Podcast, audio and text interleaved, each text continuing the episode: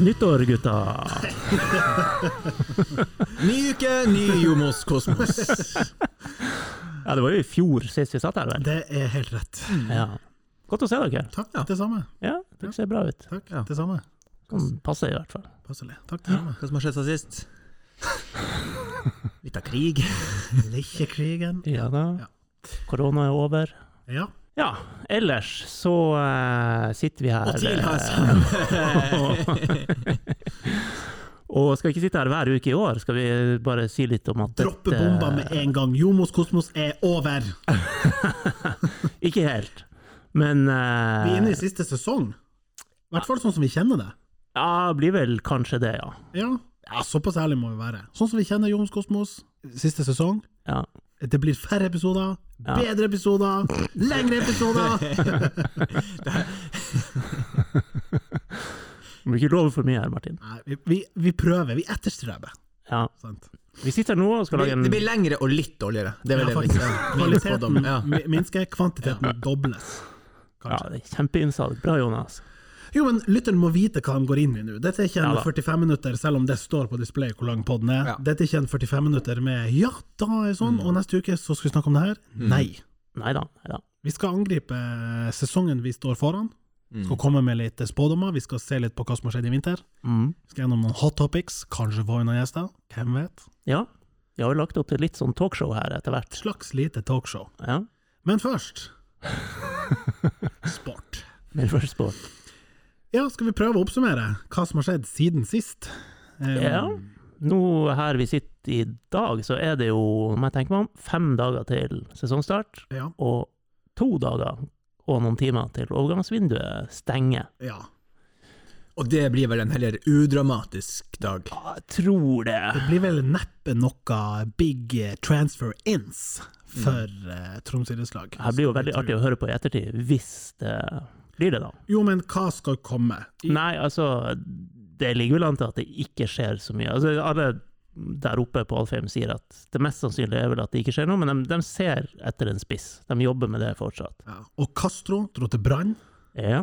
Det har vært snakk om flere låneavtaler til eh, Trøndelag, eller fra Trøndelag. Det har jo ikke Og fra England, men han Ja, havna i han Trøndelag. havna i Trøndelag. Like før døra smalt igjen for eh, vårt kjære Chels og eh, transfer-nekt og det som verre var.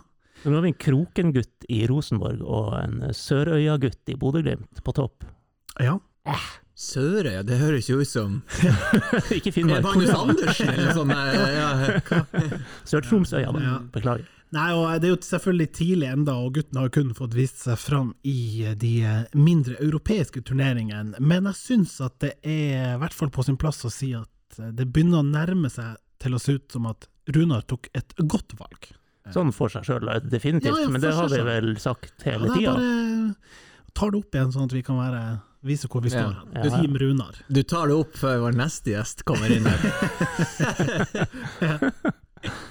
Ja. Ellers, hvis vi skal se litt på hva som har skjedd i spillerstanden, så etablerte vi jo allerede da vi runda av hvem som for ut, sånn stort sett. ja. Og det var vel ganske klink. eh. Ja, det var ganske klink. Og så har de vel fått noen inn, da. Um, De var ikke så klink. nei, vi hadde vel ikke spådd noen av dem, hvis noen hadde spurt oss. Skal vi begynne bakerst? Jeg har en liten sånn squad-list foran meg her. Ja, og det kjør. er jo eh, Yngsteblad Oppsal, uten at jeg vet om de er enda flere brødre i den Hvis vi skal begynne helt bakerst, så må vi begynne med keeperen. da. Ja da, ok, vi kan begynne med keeper. Jeg bare syns uh, Oppsal-signeringa var litt morsom. Men ok, Jakob inn, Jakob ut. Men Hva du mente med bakerst, da? Nei, vi som ikke teller 1-4-4-2, Ja. eksempel. Ikke, ikke kvalitet? Nei, nei. ok. Eller på høyde. Irriterer du på deg han Andreas Seipajärvi her? Ja, vet du hva, Seipa, den fighten, den får vi ta eh, off mic. Nei, men ok, hva, hvis dere skulle allerede nå si, er vi forsterka eller er vi svekka på keeperplass med den nye Jakob eh, mellom stengene? Jeg vil si forsterka. Okay. Per, Ja. per nå. Mm. Mens du, Jonas, per nå Nei, jeg skulle si at vi er jo ikke svekka eh, Ja, du skulle si per nå, for at- at Jakobs store styrke var jo potensialet. Ja, vi har jo fått noen, en som er fem år eldre, da. Ja. Eh, Mm. Og vel ja, en Men- sankt høyere, ja. kanskje? Men det merker du ikke i neste kamp, om liksom Oi, håper han her står ut til full blomst. Nei, og apropos potensialet, der var jo eh, landslagsledelsen tidlig inne og meldte at eh, potensialet det trådte i kraft da gutten skifta postadresse. Yes. Eh, sånn at potensialet anerkjennes også eh, gjennom et eh, landslagsuttak. Og det er jo igjen taler jo for taket til, til Jakob, men vi var jo enige om at eh, et miljøskifte var kanskje på sin plass. Og du som har sett han i treningskamper, det er jo blitt snakka, det går allerede gjetord om evnen med beina. Mm. Er det, stemmer det? Ja da, han er ikke noe dårligere enn Karlstrøm på det. Kanskje Og tvert imot ja, er, det- er det såpass? Ja, han er meget bra med beina. Like høy, to Ja. meter. Ja. Eh, minst like solid med beina, og kanskje enda større evne til å dra de her lange når, eh, når de skal gjøre det. Så det betyr at Det høres jo helt sinnssykt ut. Altså, Ja. hvis jeg skulle tenke hva er det han eh, er best på, Jakob, Mm. så er det jo måkeren måke langt. Sånn Ja. presist. Nei, Men nei. nå har, nå har de- nå har de funnet en som virkelig er god på det, sier du. Jeg mener det. Ja. Skulle man da tro at disse fem årene med presumptivt da erfaring fra fotballen gjør den nye Jakob Haugård da, eh, i bedre stand til å ta gode valg? For det var kanskje der Jakob Mm. eh, Karlstrøm var litt svak til tider. Jeg trodde du skulle si 'i bedre stand til å ta gode frispark'. Ja, for det har han jo ikke vist seg. Det eksperimentet der er, Får vi se det på kamp, ja da, da, da skal jeg humre godt.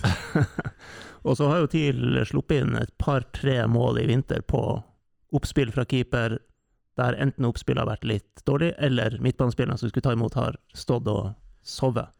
Ja, det taler jo for at det kanskje ikke er så Altså, at det ikke bare er erfaringer som Jakob kanskje mangler, som, som er på en måte manglende eh, der, da. Men- Nei, men det er en av de målene, da var det Simon Thomas som sto i mål, det skal sies. nettopp, nettopp. Eh, og litt av det handler om spillere som ikke går imot ballen, men står og, og står på hælene, Ja, som det heter på fagspråket. Ja. Tror dere det betyr at eh, også Jakob Haugård kan notere seg for en eh, assist i år? På altså, den her nevnte langdruseren i bakrom? ser ikke bort fra det. For det er jo litt frekt. Men det er jo Ja.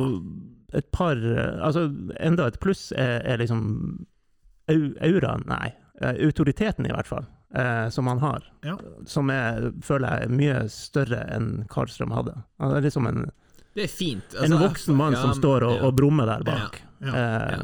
Og det tror jeg liksom stopperne vil ha der. ja, jeg tror òg det. Jeg føler Kristoffer, han vil ha en eh, Han vil ha en, en mann som kommer ut der. Dansk viking Ja. som står og glefser Ja. litt. Ja. Ja. Så er jo det store spørsmålet er jo helsa. Han var skada i Sverige, ja. og Har eh, allerede gått på en smell. nå har han gått på en liten eh, hamstring, Ja, som de sier. Og kom den fra frisparkforsøket, eller er det liksom Ah, Fordi at det er jo noe med når du skal gå så sabla hardt ut, og så skal du dore til, og så Den ballen gikk jo skyhøyt. Rosette, som de sier. Og ja, alle som har eh, gått på et sånn, en sånn der litt dårlig oppvarming, jeg husker ikke hva til kampen her var, det frisparket.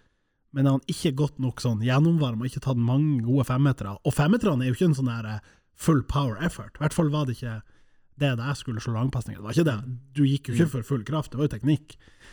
Så det er jo litt sånn, ja. Ok, så vi har fått Vi har rett og slett fått et sånt prosjekt for fysioterapeutene her.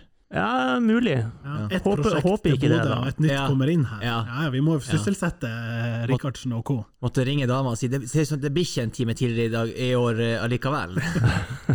Nei, men vi må jo håpe at det ikke blir det. At det blir, blir med et par kamper nå, og så står han resten av sesongen. Men vi får se. Time will show. Ja, da ja, går vi Simon videre. Thomas er ikke dum, så la oss det, det være Nei, men det, det var det jeg også skulle si. Jeg har enda ikke i vinter fått sett så veldig mye av eh, det man kanskje har tatt Jakob Karlstrøm litt for tidligere. De skuddstopperegenskapene. Mm, nettopp. Det har jeg ikke fått sett så mye hos Haugård. Så spent på det han har der. Men er vi, vi historisk sett har jo vært bortskjemt med gode keepere, syns jeg.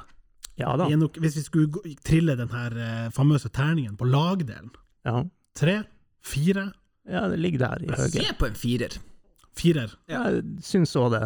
Forutsatt at han holder seg frisk. Ja, Det høres ut som en forutsetning som dytter ned på en treer for meg. da. Mm. Hvis du, det er jo litt kjedelig å måtte tenke ah, er keeperen frisk? Ah, det er litt sånn, Du vil ha et safe kort her. Ja, du vil jo det. Eh, Altså, til, Tilgjengelighet er jo et viktig kriterium i en uh, mengdeidrett som fotball. Trenger ikke foregripe eh, nordlysdommen som kommer med terninger og alt mulig her Jeg eh, sier at, om noen dager. Jonos Kosmos er som vanlig i forkant. Vi går videre til eh, Oskar Oppsal, som han heter, lillegutten. Mm -hmm. er det dømt til å feile fordi det er broren, eller er det på en måte irrelevant for eh, hans eh, suksess, mulige suksess? Kanskje det er positivt for han å se hva storebroren holder på med. For han har ei pil som peker oppover, syns jeg. Ja. Veldig. Ja. Og da tror jeg Eh, han tenker det vil jeg òg ha. Ja, ja, jeg vil ha den pila. Kanskje. Men klarer han å kjempe seg til en fast plass med det første? Usikker. Fikk jo starte noen treningskamper. um, Så kan jo Lasse kommet tilbake, da. Ja, for det Var det i påvente av Lasse? Var det et lite spark til Lasse, eller det Nei, sånn, det var vel mest i påvente kanskje av å se hva Lasse var når han kom tilbake fra skade. Ja, Eh, og så kom Lasse tilbake og var veldig bra mot Helsingborg da han kom inn der. mm. Um, og har trent godt etter det og er frisk, så i utgangspunktet tenker jeg vel Lasse er førstevalget der. Ja. Og på høyresida, der uh, vår gode venn uh, ikke skulle til Miami likevel, men måtte til, til Sverige, uh, klarer Vesterlund å fylle gapet? Det skal jo godt gjøres, men jeg, jeg er spent på den. Vesterlund er jo høyrebeint, så mer naturlig for han å spille på høyresida enn venstre, tenker jeg. I utgangspunktet. Ja, men nå har han spilt det et år, så Ja, etter et tidspunkt så blir det vel naturlig for ham. ja jo jo. Ja. Um, jo, jeg, jeg tror at vi tar oss kort og ser han ta, ta et ikke, eh, ikke, ikke veldig mange steg, men han kommer til å løfte det fra i året. Et knepp videre. Ja, et, et knepp videre. Uh, det blir ikke noe sånn uh, Det blir ikke noe sånn som vår, vår, vår tidligere høyreback som ble man of the match støtt og stadig, Nei. men jeg tror det blir mer sånn stabil. Han blir, han blir backen, liksom. Mm. Mm. Ja, han har ganske bra grep om den plassen. Der har vi jo en nykommer i Ja. den rollen. Det var det du skulle til, kanskje? Ja, vi, vi, vi sklir over dit. Warren Kamanzi. Ja, De har jo eksperimentert med Altså, hvis ikke Hvordan var det her? Hvis Moses ikke hadde blitt klar til å spille mot Kristiansund Mm. i generalprøven, så hadde nok Kamanzi faktisk starta på topp. Å, Så vi har flere som wingback slash spiss. Helt meningsløst. på. Og det, og det passer jo med han òg, den her eh, back-slash-spiss-tittelen. For han er jo vil si, Han virker som veldig god én mot én offensivt. Det er hans styrke. Og han, men han er jo litt Han er litt ung, Mm. rett og slett, i, i, i spillestilen. Um, så jeg vet ikke man, TIL har jo ikke tradisjon for å bruke backene offensivt på samme måte som Bodø-Glimt gjør nå. Eh, Sånn som de hadde med Åsbjørn Bjørkan, og Mm. nå har de med Wembangomo. At liksom Ja, skal Fredrik, Fredrik Bjørkan. Hva jeg sa Åsmund. Ja, Lett å, lett å, lett å blande. Ehm, de, de, de bruker de offensive kvalitetene sine lavt i banen også, sant? dribler av og alt sånt. TIL sine har jo ikke noen tradisjon for å, å, å gjøre det for man kommer lenger opp på banen. Og så overrasker det meg om de blir å befinne seg så veldig dypt i banen, gitt den tre-slash-fembackslinja. Så det er jo naturlig at det er de sidestopperne som skal kanskje okkupere det rommet der, og så skal backene starte høyre i banen. Mm. Og det kan jo være til fordel for den profilen som du, du er inne på. Mm. At det er jo kanskje mer i tråd med deres stil og, og evner, da. Mm. Men det er jo rett det, det du sier. De er jo unge, og de er jo ferske, både Kamanzi og Oskar Opsahl. De er, hva de er 21 og 20, og har knapt beveget seg på en eliteseriebane. Ja. Så begge er jo sånn eh, Får håpe de utvikler seg kjapt og slår til kjapt. Jeg skulle tro det var en god en, en, en bra greie med, med en god match med Gaute der. Eh, at hvis, hvis hans styrke kan være liksom det å taktisk skolere spillerne sine, Mm. Så, så, så tror jeg det kan bli en bra match, han og Jo, jo. Du har noen råegenskaper, og så Ja, ja. får man det inn i et mønster. Ja. Og så er det jo rutinen som leder oss over til den kanskje midtstopperplassen som er mest klink. I hvert fall sånn som det står uh, nå. Og så tror jeg faktisk at vi kommer innom de fleste spillerne litt sånn utover sendinga. Vi skal jo ha inn en del gjester, så jeg tror vi bare åpner døra for førstemann eh, inn her. Eh, hei, Morten. Halloen. Typ- Forsa-Morten. Forsa-Morten. Hvor står du i Runar Espelid-saken? Nei, det har ikke dere tid til å gå gjennom her. Ingen kommentar. Ingen kommentar. Jeg har sagt mitt. Vi er ferdig med det der. Ja. Bortsett fra at vi nevnte det i stad, men vi er ferdig med det. da. Ja. Men hvordan går det? Det går bra. Begynner å Um, glede meg veldig nå til søndag. Ja, For du gleder deg såpass at du har bestilt billett ned? Ja, jeg har eh, det, hatt noen runder med meg sjøl om jeg skulle reise eller ikke, og i, i går da satt jeg og trykte hjem noen flybilletter, så da blir det tur. Du vet at det ikke Du er på ung- ungbillett på flyr ennå, du. Ja, Ja, heldigvis. da ble det. Men jeg har et år igjen der, så snart blir det dyrt for meg å begynne å reise på bortekamper. Har du vært i Skien før? Aldri. Så det Mm. blir en, eh, både en ny by og en ny eh, stadion, så det blir, eh, blir gøy. Ja. Trivelig by, men jeg tror ikke det er der det liksom tar løs, et, hvis det skulle bli en seier og man vil feire. Og... Nei, Man kan jo lage det sjøl, da. Ja, vi har, jo, vi har jo satt opp buss òg, så det vil jo uavhengig av resultat være en, et kjapt besøk. Ja. Vi hiver oss på bussen inn til Oslo etter match eh, uansett. God gammel sånn bussfeiring, altså, hvis det, går bra. kan bli Da må fint. dere ha ei kasse i bagasjerommet. til. Jeg tar meg igjen det. Hvor mange flyr dere ned nå? Nei, vi er ikke så mange som flyr eh, ned fra Tromsø, men vi er jo en, en liten gjeng sørpå som Ja. kommer på match, og så er det mye TIL-supportere der, så jeg tror det skal bli bra oppmøte på bortefeltet. Mm. Og hva, hva har du brukt denne tida foran sesongen? Hva er liksom fortsatt Tromsø driver med nå? Er det nye sanger? Er det mobilisering? Hva er det som skjer? Det er mye. Vi, har, vi starta egentlig ganske kjapt opp etter eh, sesongslutt i fjor, og starta planlegginga inn mot eh, det her året. Og så har vi gjennom hele vinteren hatt møter. Vi har planlagt eh, både sanger, eh, borteturer. Hva er det vi skal forbedre? Hva skal vi jobbe med i år? Eh, fordelt litt ansvar. Hvem skal ha ansvar for hva? Så det, det er egentlig mye ting som skal på plass. Og vi har lansert eh, nye egne forsvarsklær og Med QR-kode. Eh, Nei, vi dro den ikke så langt. Kanskje det kommer. Så, eh, og så er det flere ting som ennå ikke er sluppet. Da. Så det, det er mye spennende som vi jobber med. Og så har vi mye som vi jobber med med, med klubben òg, da. Så um, det er mye artig på gang. For det er vel Vi er vel bare en offisiell tweet nærmest unna å si at dere er den offisielle supporterklubben nå? Det vel, må vel være lov å antyde? Ja, altså, jeg skal ikke si meg uenig i det. Sånn for vår del så er det ikke noe eh, prestisje i å være det. Eller Nei, men for vår del er det det. ja, Eh, så hvis det kommer en dag en henvendelse fra klubben om vi ønsker å bli det, så skal vi selvfølgelig ta en god prat rundt det. Men sånn som ting er nå, så har vi det jævlig gøy å kjøre på og kose oss. Ja, du opplever kanskje ikke at det er noen ting som mangler? Altså den, den relasjonen er som om den er nærmest offisiell? Eh, helt riktig. Så det er som Jeg tror liksom det vil være en formalitet, egentlig, hvis vi blir det. Så jeg tror ikke det er så mye som endrer seg fra dagens eh, situasjon, da. Men det er kult å være offisiell. Det, du går liksom fra eh, Får dere sånn blue tick på Fifa inspected til Fifa approved på fotballen der. Ja, altså- Dere er Talaria nå. Altså, Ja. det, vil jo, det vil jo være stort for oss hvis vi skulle bli det. For at eh, vi var jo bare en liten gjeng som starta opp for mange mange år siden. Og hvis vi klarer å komme dit at vi plutselig blir den uh, offisielle supporterklubben, så hadde det vært utrolig stas. Uh, det må vi innrømme. Det er som om man får en overgang til en stor klubb. Da har man gjort noe, gjort noe rett, ikke sant? Ja. Så har du noen nye sanger? Ja, vi har jo et eh, ønske om å utvikle oss hele tida, og på sangfronten så er det veldig lett å stå og stampe i det du har sunget, og det som har funka tidligere år. Så vi ønsker å være kreative og fornye oss der òg. Kan du si litt om hvilke melodier som er involvert, som publikum eh, kan lytte til? Hvis man ikke får med seg ordene, i hvert fall, så kan man jo i hvert fall lytte etter Vi kommer til å legge en av dem inn som en jingle her nå. Ja, det er, er kult. Altså, melodier Jeg har ikke noen jeg kommer på nå, men det vi prøver å gjøre, er jo at det skal være melodier som er enkle for folk flest å hive Ja. seg med på, for det er det som funker. Mm. Eh, Blir de for avansert, så er det 10-15 stykker av oss aller gærneste som Mm. står og synger, og det blir litt uh, kjedelig. Så- Lite jazz. ja.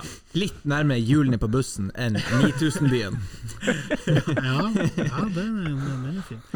Enn på medlemsfronten, eh, kan du si litt om utviklinga som har vært uh, der?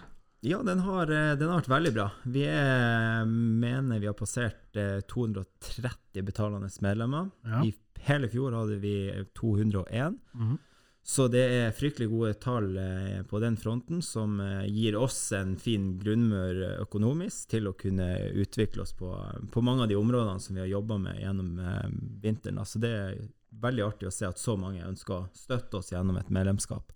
Men det er jo mm, sikkert alle de ja, fremtredende medlemmene hos dere har sikkert vært langt nede i, i, i vennelista på Facebook når det gjelder rekruttering ikke sant, og, og jobbe, men, og, og, og det er sikkert skrapa der nå. Hvor er det hvor er det det der største området dere jobber mot nå? Hvor er det Hvor største skal veksten komme? Ja, hvor kan veksten komme nå?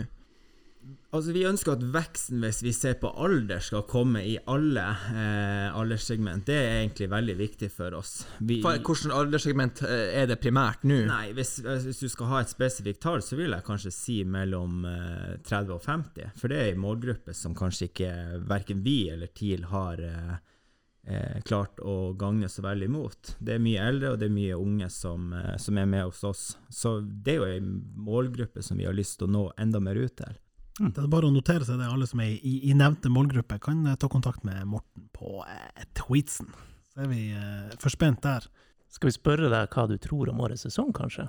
Ja, jeg er egentlig veldig optimistisk som vanlig. Jeg har jo bestandig veldig tro på, på TIL før seriestart, og det har kanskje de fleste supportere. Men det, det grunner jo litt i en god høstsesong. Så syns jeg vi eh, til tider i, i vinter har vært veldig bra. Man ser at det vi var gode på i fjor og, og jobba med da, er videreført. Og så er det veldig enkelt å se hva vi må bli bedre på, men Eliteserien er såpass jevn. I, fjor var vi fire poeng unna en åttendeplass. Så klarer vi å ha litt mer flyt og vi avgjøre de litt jevne kampene, så det er fullt mulig å klatre litt på tabellen. Så jeg har jo tippa en, en fin syvendeplass.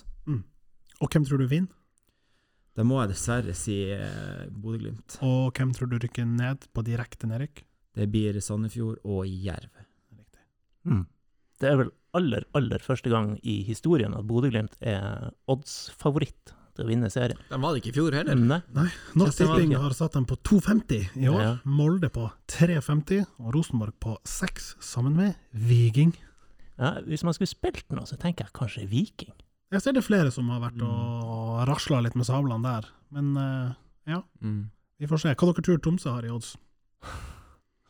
På å vinne. På å vinne? Eh, 150. 150. 170. 570 og, 200. og 50 er svaret. 250.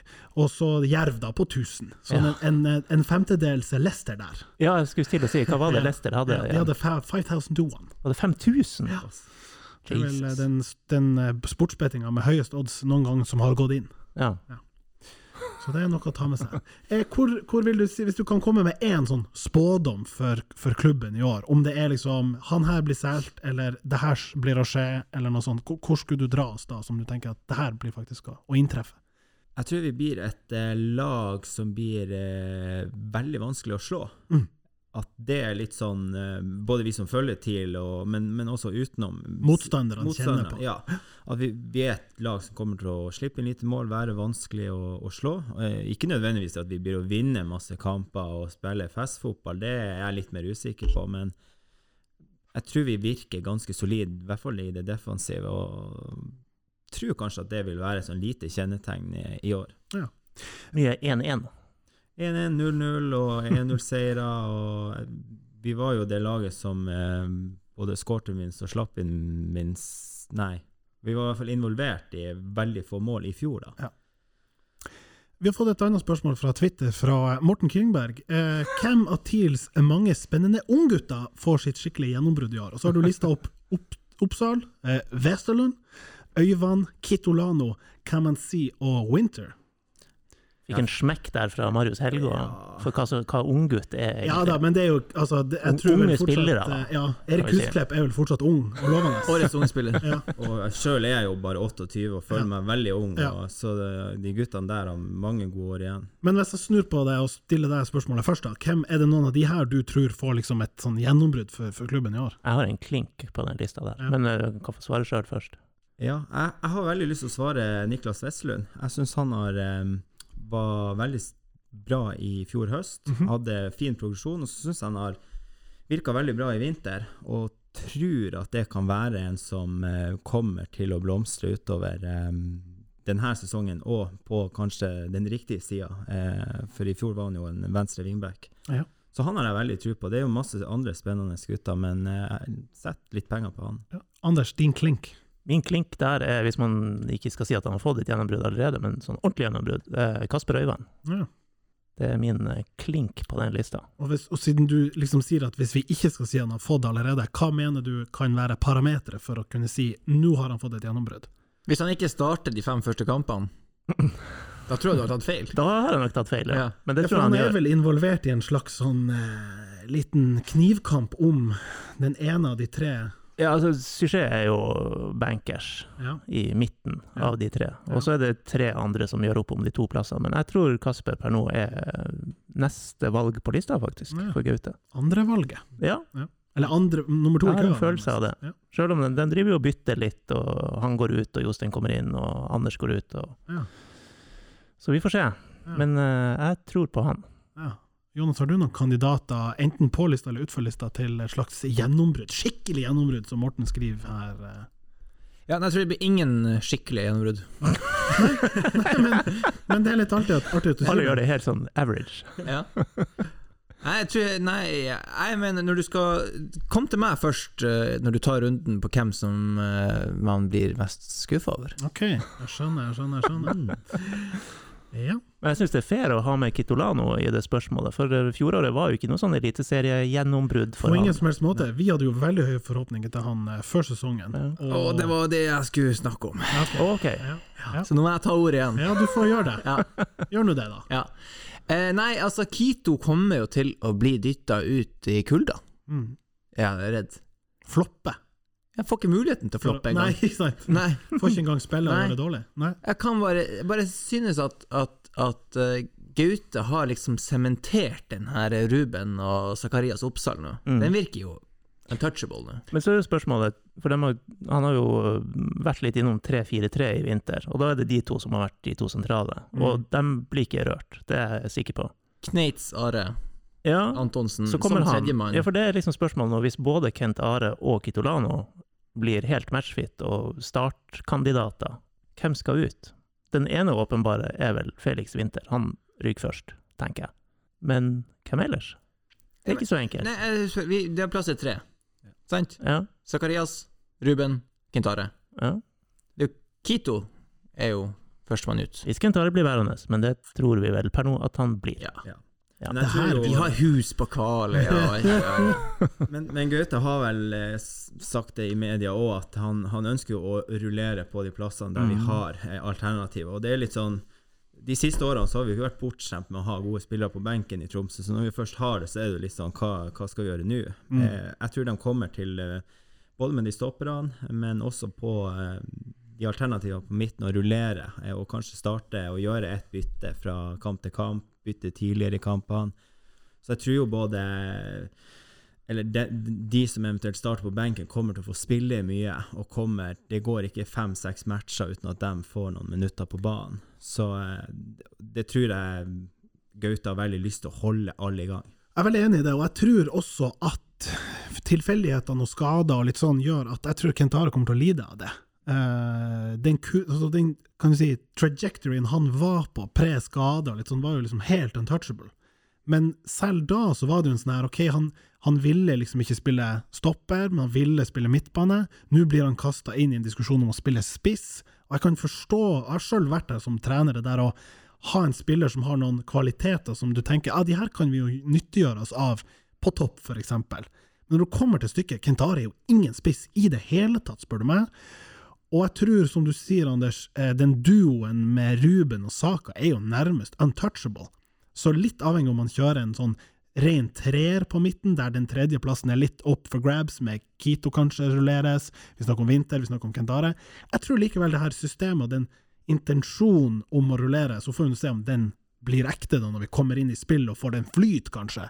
Men jeg mistenker eh, en del av det apparatet oppe på Troms idrettslag, både de som tenker på bare sport, og de som ser på lønningslista og ser hvor er det mulig å få litt rotasjon, Kentare kan bli et eh, offer for det. Mm. Og det er ikke, det er jo ikke noe sånn Nå har det vært oppe der med Lillestrøm, som kanskje, kanskje ikke blir noe av da før eh, torsdagen, men, eh, men eh, det er jo allerede etablert at de vurderer å selge han i løpet av året. I og med at han har to år kontrakt til alder, Ja, det er jo, det er jo, ønsker det sjøl, ja. kanskje. Da er de nødt til å bruke han. Ja, for Ja, at han, blir, han er det. ikke automatisk Det er jo nesten sjukt at Lillestrøm kommer på banen nå, gitt den, det, det siste året han har hatt. Mm. Ja, ja. Men det sier også noe om Vi vet jo toppnivået. Kentare er en knallgod spiller, Mm. men jeg plasserer han nesten litt sånn i samme eh, kategori som Jakob Karlsson med tanke på miljøskiftet nå, gitt det som har vært. Det at klubben har liksom akklimatisert seg og, egentlig blitt vant til å være uten Kent Are på banen. Vi kan jo ikke si noe om hvilken effekt og sånn han har hatt i spillergruppa eh, nå når han har vært skada, likevel en bra figur sånn. Men kanskje det er akkurat det der han trenger for å gire opp, og vi vet han har lyst til det lenge. Jeg tenker at vi lar døra stå litt på gløtt der. Tror dere det var Gjermund Aasen og Lene Olsen som eh, spilte inn den der? Helt sikkert, de der to ballhestene der. Ja. Satan, da. Lene Olsen, han går nå vel ned i Hvor er han? Jo, men han skal nå vel Han tilbake igjen. hjem. Han skal jo ikke ha Han er jo med i WhatsApp-gruppa Ja, ja. fortsatt. eh, Jeg kan jo spørre deg, Morten, nå skal jo du til Skien.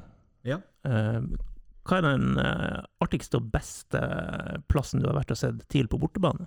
Altså, hva er den beste arenaen som bortesupporter? Arena og by, da. Ja, det er Vi har jo hatt artige borteturer både til Bodø og Åråsen. Det er jo straks mye artigere når du vinner, for da får du en bedre opplevelse. Men det var litt spesielt når vi var på Åråsen i fjor, og eh, tilfeldighetene hadde det til at det var den dagen Norge åpna opp etter en pandemi. Og det er lørdagskamp, det er en deilig høstvær, og vi kommer fra halvveis vinter her.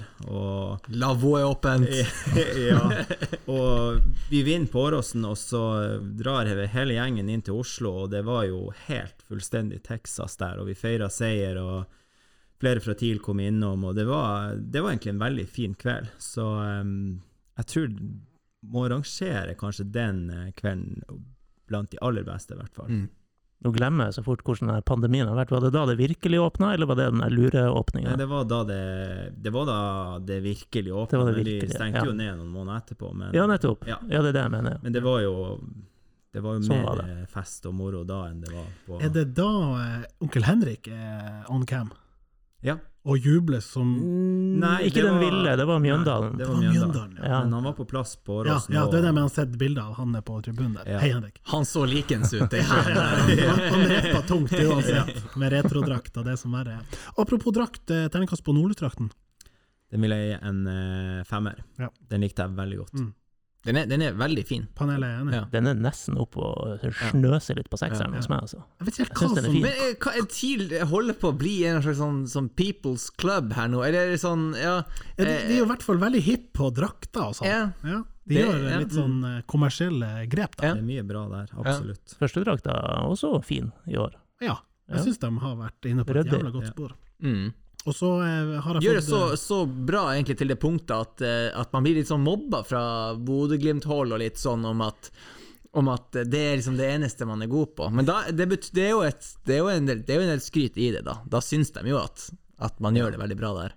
Det, det er jo mange fra, fra andre klubber som har gitt skryt på de draktene TIL har kommet med, som, Mm. eh, som sier at det her har vi virkelig fått til der oppe. Så det er jo noe man må ta med seg. Men her har man altså jobba så hardt for å prøve å ekspandere globalt, og så ser jeg jo at kommentarfeltene fylles med, med Kan du sende ei drakt hit? Og, og så er det We don't ship overseas. Ja, det er nedtur. Hva er det for noe, da? Ja, Hva var er- hele vitsen? Ja, ja, ja. Nei, men jeg, kan, jeg skal opp og hente Jeg fikk telefon, jeg måtte komme opp og hente den Qatar-drakten min. Sånn at jeg kan jo selge den til høystbydende off, off eh, International Waters, da. Så får vi se om vi får noe bra pris. Så kan vi donere pengene til Amnesty. Det er det Når du sier det med Glimt-supportere, må vi få sende litt skryt. Jeg husker ikke om den var kommet ut uh, da vi satt her sist, eller om det var i etterkant, men den der uh, Har en drøm Ja, eh, den var kommet, ja. Ja, Oh, fy søren. det er det- god banter. Ja, den er class. Det er artig. Men det er, artig, artig. er det ikke artig å være en del av den her Glimt i Steigen og Glimt på det, altså det, det er jo mye aktivitet. Ja, det er det er underholdning i det. Absolutt. Og altså det vi har vært opptatt av egentlig helt fra Glimt sin suksess starta, det var jo at hvordan skal vi håndtere det? For vi har fått veldig mye banter og pass. Og da bestemte vi oss for å legge oss på ei linje der vi skal ta oss veldig lite høytidelig. Vi skal spille med på det og Det er jo det man må. eh, spille på litt samme mynt. For hvis vi skal sitte der og være bitter og, og surmule for at vi får litt, så, så blir det for dumt. Så vi Mm. har eh, Altså, banter må serveres med finesse, og det må mottas med, som du sier, altså Man må Lave skuldre. altså. Ja, må ikke være så selvhøytidelig. Ja. Men kan jeg spørre deg da, eh, hvor syns du forholdet står mellom TIL og Glimt på storebror-lillebror-fronten? Eh, hva er liksom En ting er jo en power ranking per PT, liksom, men fortsatt sånn historisk. Ja, altså historisk så altså, jeg, i, i før Glimt sin suksess, så syns jeg det var to klubber som sto veldig jevnt. da, Mm. Både på størrelse på byer og klubb og meritter og det ene og det andre, og supportere. Og, og nå har de selvfølgelig et sportslig nivå som er langt over det, det vi har. Men jeg føler ikke at det, klubben som sådan, ja, de har mye penger på bok, men de har jo ikke eh, 8000-9000 eh, inne på hver kamp og en enorm interesse. Det har de jo faktisk slitt litt med akkurat på det Ja. området. Men er de storebror? Er det jeg spør. Har de gått forbi? For jeg mener jo fortsatt at TIL har vært storebror ei god stund. Eh, fram til et visst punkt, og nå er jeg i tvil om hvor, hvor er den pendelen. Og hvis du kjenner bak deg nå, så er du inne i et hjørne. Jeg vil ha en uttalelse. Ja. det, det er veldig vanskelig for meg å sitte her og si at Glimt er storebror, men eh, eh, de må få noen år til på seg og bevise at de eh, virkelig har eh, passert oss på, på de fleste områdene som, jeg- Ja. som jeg var inne på. Det er jo kokosbananer som sier noe annet enn at de er storebror sånn per nå. ja, men det er det jeg sier. Liksom. På en power ranking er det ingen Ja, tvil. ja, ja. Men er liksom, når vi skal se, klare å dra de store linjene, er virkelig Glimt blitt storebror liksom, Ja, i en historisk kontekst, eller er det litt sånn neck and neck nå? Og så er det jo den her suksessen de har opplevd. Det, det er mange som reiser på borteturer, de fyller stadion i de store kampene, men det tror jeg samtlige norske klubber ville gjort. Ja, at, ja, du, Dere vil ikke ha noe problem med å på en måte Nå nå er det Roma borte. Nå kommer Roma igjen. Nå er Ro- Ja, nå nå, kjører eh, nå, nå er det Roma borte. Ja. Nå er det Celtic borte. Ja. Skal vi sette opp et fly? Vi ordner det Skal med en det? flyremaskin. Hvor er det? Glasgow? OK. Ja, eh, ja, ja, ja. Det blir noen langhelger der. Ja. Så hvis de klarer å dra det over til den hjemlige serien og fylle Aspmyra der, og det er mye liv og røre, for det klarte de overhodet ikke i fjor, Nei, så skal jeg virkelig Nei. rekke opp og, Og når de blir konfrontert med det, så eh, mener jeg at det, det, da blir det sendt et par eh, bilder av den her når de tar gullet. Ja. For da var det mange. Ja, det er Ja. mange bilder de Ja. kan bruke der de var mange, men eh, jeg tror nok de er klar over det sjøl, og at det er en jobb som må gjøres der. Ja. Et siste spørsmål. eh, eh, Hva tror du blir å skje i år for kvinnesida, til 2020? Der vi har fått lov å droppe den her slash fløya i år. Det er veldig gledelig. Jeg tror det, jeg syns det er veldig bra at eh, de er kommet over på Alfheim, ikke minst. Det vil gjøre det lettere for oss å kunne komme på kamper, noe vi har veldig veldig lyst til. Det er ikke så mange matcher som krasjer. Får bruke garderoben. Ja da. Ja. Ja. Og så syns jeg jo at det er veldig artig å følge med på. Det er sånn sett utenfra, fra mitt ståsted, et mye mer seriøst opplegg. Og Ja. at vi endelig eh, satser litt på kvinnefotballen her oppe. For vi har jo Tromsø er jo en fotballby, og vi har eh, miljøer her som eh, burde komme jentene også til gode. Tror dere at implosjonen i Tromsdalen har styrka TIL 2020-prosjektet? Med tanke på, ikke fordi spillerflukten skjedde jo åpenbart til Kroken, da, men med tanke på Tuil sin potensielle posisjon de neste fem årene til å være en reell konkurrent, og egentlig en sånn eh, kannibal for denne spydspissen.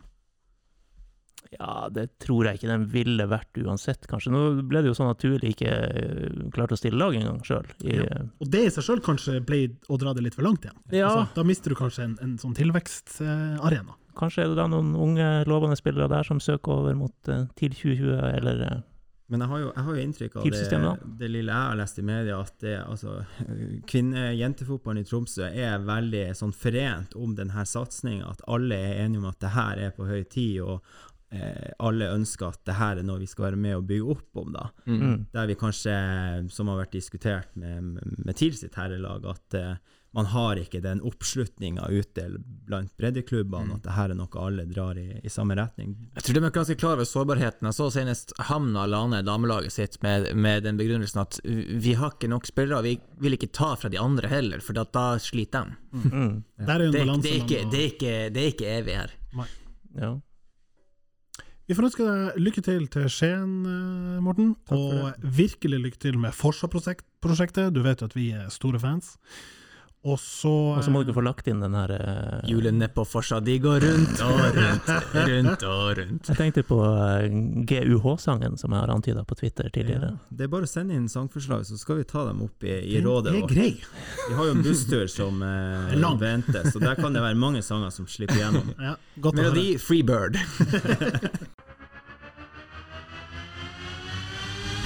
Dæven Willy! Hallais!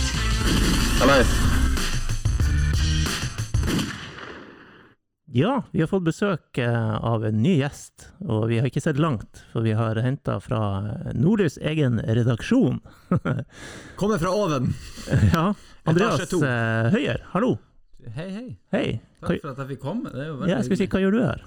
Ja, det er jo et godt spørsmål. Takk for invitasjonen. Hva er jeg nødt til Nei, Vi skal snakke litt eh, fotballsesong, vi snakker litt eh, TIL. Da kan du jo først eh, fortelle om ditt forhold til TIL. Er ikke du, du er litt sånn eh, high and low når det gjelder følelser? Ja, det er litt, altså- litt edder og galle, og så er det Ja, mye begeistring. Ja, jeg er jo eh, som livslang TIL-supporter har man lært seg å ikke ha for store forhåpninger. Samtidig som Ja, altså, det kan jo skje. Altså, ting, ting, eh, vi har jo opplevd mye bra som TIL-supportere, så jeg tenker jo det. Men jeg er jo alltid veldig Jeg er dessverre veldig pessimistisk som vanlig. Hva er ditt beste tilminne, da? Siden du sier at du har opplevd highs and lows. Uh, altså uh, Lerkendal, når vi, når vi berger plass 03. Arne Vidar Moen. Det, det, det er ingen jeg tror, jeg, jeg, Når jeg forteller det her til folk i utlandet, så bare for å gjenfortelle Ja, ja. Dramaturgien der, det er ingen som, det er ingen som kan toppe. Hvor, hvor, bruker du tre minutter, eller bruker du 20 min på å liksom sette hele scenen? da? Ja, det- ja, det er et godt spørsmål. For det er jo en sikkert- er epic sikkert- tale. Ja, det er Ja. Den, helt, den, den, er, den er helt episk. Ja. Det er artig at jeg tror at jeg har et bedre minne enn deg fra den, og jeg hørte den på radio i bilen. Oi, Ja, men jeg tror alle har Fra den, den dagen Det var ingen som så den kampen, var ingen som hadde noen idé om at vi hadde noen sjanse til å klare det. Og det er det jeg prøver alltid å fortelle. Det her er liksom som Det her er, det her er som å slå Bayern München på Allianz Mm. i fjor, liksom. Altså, det er det var, det var ingen som gjorde det, å vinne på Lerkendal. nei, maktforholdet var ganske sykt. Ja. allerede en referanse til tysk fotball. Det er bra. viktig, det er viktig, det er viktig. Nei, sånn som du sier, jeg satt, jeg satt jo så på, så, hørte på radioen, ingen som egentlig gadd å følge med på den kampen. Så det er mange, mange gode historier om hvordan folk fikk med seg det. Kan jeg da ta de to quiz-spørsmålene på deg fra den kampen? Hvem slo den corneren som Arne Vidamoen rygga i mål, og hvem sto i mål for TIL i den kampen? Altså, det, det siste har jeg ingen aning. Jeg mener det var Thomas Hafstad som slo corner. Nei. Nei. Nei, vi har ikke kommet her for å altså, Vi har ikke invitert deg for å plage deg. Nei, Nei, det var Frode Ferman. Steinar Nilsen slo corneren. Å ja. Hvorfor? Nei, det kan du gjerne ja, det er jo spesielt. Ja, Skulle tro at han hadde noe å gjøre inne i 16. har jo fot òg, vet du. Ja, ja. Og keeper var Tommy Bertheussen. Ja, Stemme, Ja. stemme. Ja. Det var det faktisk. Du er jo glad i å holde fotballquiz, så det kan du jo dra inn i sortimentet ditt. Det var derfor jeg holder fotballquiz, for at jeg skulle slippe sånne pinlige, pinlige øyeblikk. Var det han Hafta? Nei. det var det ikke. Men eh, du er jo etablert nå med Bayern-referansen din, at du, du er glad i Tyskland, eh, tysk kultur og tysk fotball. Eh, og da hadde jeg lyst til å stille deg et spørsmål. Eh, hvilken klubb er TIL i Tyskland? Oh, Godt spørsmål. den er fin. Det er et veldig bra spørsmål. Det her, det her skulle jeg jo egentlig ha tenkt litt over, mer enn å bli tatt på ja, vi driver ikke og forbereder gjestene våre. Nei, jeg skjønner jo det. Jeg skjønner jo det. Um, altså jeg, jeg, liker jo, jeg liker jo i hvert fall å se på Jeg syns jo Nord-Tyskland har mer til felles med Nord-Norge enn eh, resten av Tyskland. Ja. Og jeg har alltid syntes den mentaliteten der i- oppi, oppi eh, Nord-Tyskland er litt mer li, er lik nordnorske. Så det må jo være et nord, nordtysk lag, da. Vi er jo ikke helt eh, Vi har ikke helt historikken til Hamburger Sportsforening. Nei, men det er jo største, er helt- største byen i nord. Ja, ja, sant. Så, ja, så kanskje Ja. vi sier det. Kanskje vi sier det. Vi hører at vi du har, eh, vi har, vi, har, for San Pauli er vi ikke, det kan, vi vel, det kan vi vel erklære. Og vi skal, ikke- skal ikke helt til øst, vi skal ikke til Rostock, liksom. Vi er ikke så hardhausa her heller at vi, at vi skal danne en parallell. En sånn her sånn nivåmessig sånn Mainz, eller eh, Nå kaster jeg bare ut sånn tyske navn som, jeg- som jeg tror ligger litt under midten og vaker i Tyskland. ja, Men som har vunnet cupen, ja, kanskje. Samtidig, jeg tror vi, har, vi, kan, vi kan jo koste på oss at vi har en litt sånn stoltere historie enn litt sånn eh, Ja. halvanonyme lagene i, rundt eh, Ri- Rhin og Ruhr-området i Tyskland, som det går mange lag. ja, ja. Så, så vi, vi sikter litt høyere enn det. Vi sier, vi sier eh, Hamburger Sportsverein. Hamburger Sportsforening. Vi Det, sier det. det skal TIL eh, Den, den skal de ta. Ja, men vi, jeg tror det er det beste. Vi, vi, kommer, ikke, vi kommer ikke nærmere. Hvor gledelig er det for deg, da, som liker litt eh, tribunekultur, da, å se denne Vi har jo nettopp hatt eh, Morten Killingberg her fra Forsa Tromsø, og se den der tilveksten komme. Det er jo litt mer tysk schwung over det. Absolutt. Jeg syns det er helt, eh, helt fantastisk. Jeg tror, jeg, og jeg er helt, altså, det som skjedde på Alfheim i fjor, når du så at det var Du ser yngre folk som setter pris på det her. Det er noe av det beste som har skjedd tidligere på mange år, tror jeg. Mm. Det her kommer bare til å vokse, jeg er helt overbevist om det. Og det er Det her har jeg prøvd, og jeg gjør det, sier det til mine venner, jeg sier det så mange ganger, at TIL må mer og mer, og det kommer til å skje automatisk for dagens, dagens unge fotballsupportere. Det er jo ikke noe artig å dra på eh, fotballtur til England. Du er dum hvis du, drar, hvis du er 19 og drar på fotballtur til England. Det er jo dritkjedelig hvis du sammenligner det med å stå, stå på en stadion og drikke øl, og, og, og på en ståtribune med helt annen stemning. Nå er du i Tyskland igjen. Vi er i Tyskland. Jeg tenkte, Alfheim har da verken ståtribune eller pils, men Vi skal dit. Vi skal dit. Ja, fordi at jeg hadde lyst til å, å, å, å egentlig dodge et spørsmål som vi har fått fra Tina Gjøvik, ser jeg her, som er hva må til for å øke engasjementet rundt TIL, og da spesielt eh, kanskje rundt hjemmekamper, parentes å vinne kamper, ikke lov å svare. Eh, før du får svare, skyt inn, jeg har lest en del eh, masteroppgaver om temaet, som Oi. går på tribunekultur i Tromsø for ei tid tilbake. Eh, For det er flere som har skrevet master om Tromsø og Eliteserien.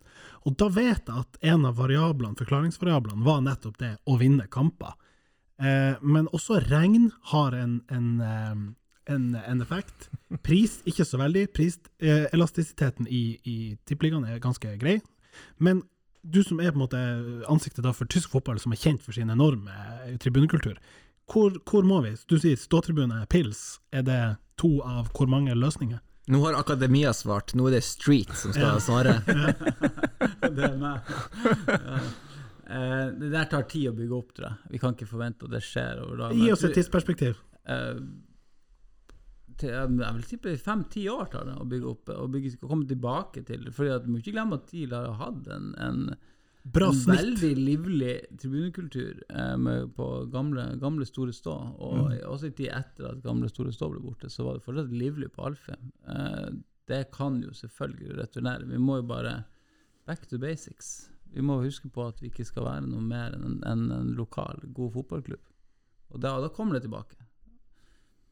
Så svaret her er ikke noe sånn eh, kjøre sånn eh, amerikansk fotball eller basketshow og eh, underholdning og De har kjørt Oloi. fans sånn nå i flere år utfor der.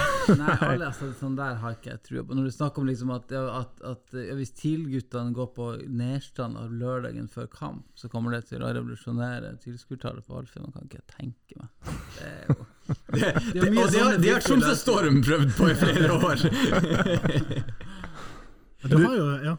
Nei, du snakka om masteroppgaver om Eliteserien. Det høres ut som sånn Sånn som jeg valgte å skrive skolestil om i Ja, åttende ja, klasse. men det, det er både fra UiT, det er fra, Ja, fra um, den her høyskolen i Molde, uh, og så er det vel noe fra Oslo. Sånn at her er litteratur på det. Og, og det, det, man bruker ofte sånn opplevelses- og tjenestedesign og, og sånn, og sammenligne med arrangementer, konserter og festivaler og sånn.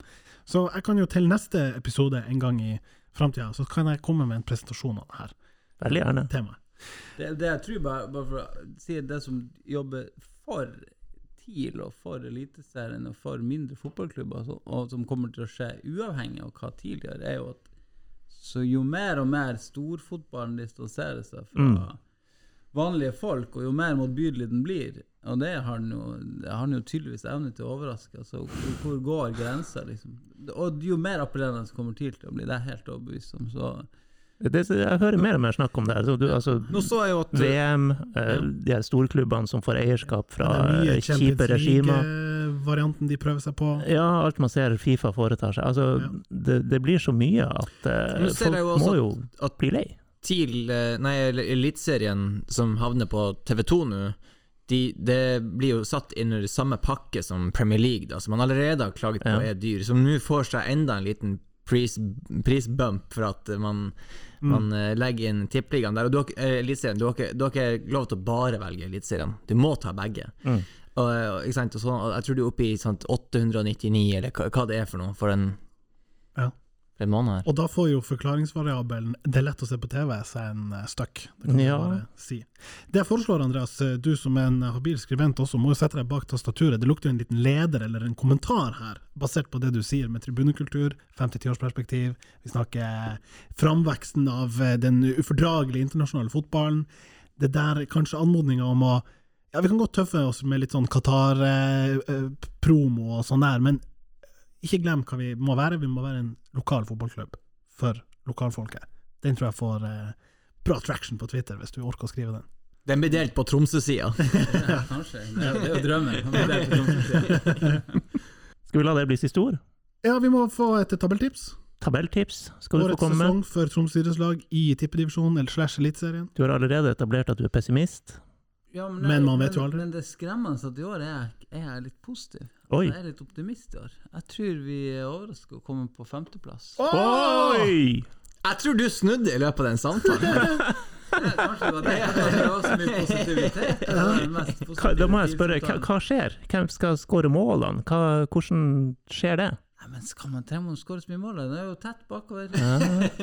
Det jeg så, og det sa jeg til deg, Anders, for vi satt, vi satt og så litt av første omgangen mot Kristiansund. ja, den var god. Den var, den var, det, var det var jo fantastisk. Ja, I hvert fall i de 10-12 første minuttene. ja det Det det. holder for meg! Det holder for meg! Ja, det var, men det, var, det er noe der. Ja, ja, ja. Og mer enn et litt momentum og litt trua, så er det, skal ikke mer til i Eliteserien Å, deilig. før du havner på femteplass. Shit.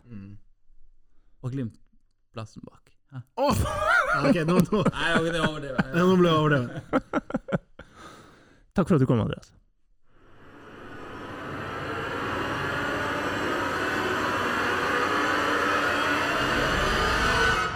Mølling, mølling, mølling.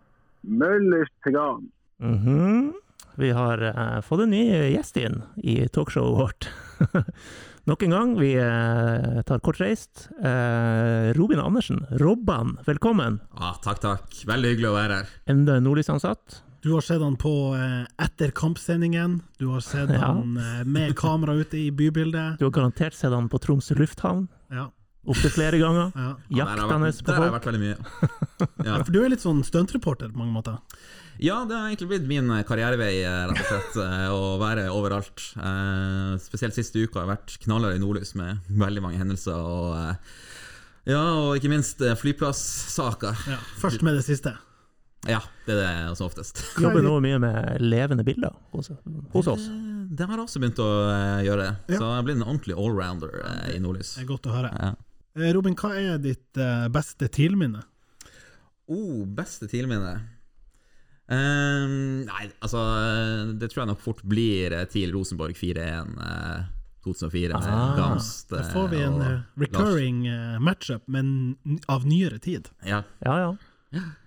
Gamst, Lars Iverstrand og uh, der. eh, altså, Gamst og Lars Iverstrand det er kanskje de jeg har eh, hatt, eh, sett, sett opp til da, som forbilder hele veien. ikke sant? Jeg husker tilbake da jeg var på et kjøpesenter og var vel Jeg var kanskje noen uker etter den kampen og, og så dem eh, bare med det- egne øyne. Så Var det på. Nerstranda lørdag før kamp? det kan ha vært der. Jeg ropte og skreik eh, til Ronny, min storebror, så Ja. at eh, der er liksom Lars Lars Iverstrand og Gams. Lille Lars! Morten, Morten, er det Renate du har? For øvrig mannen som skåra den eneste gangen TIL har vunnet på arenaen der de har serieåpning.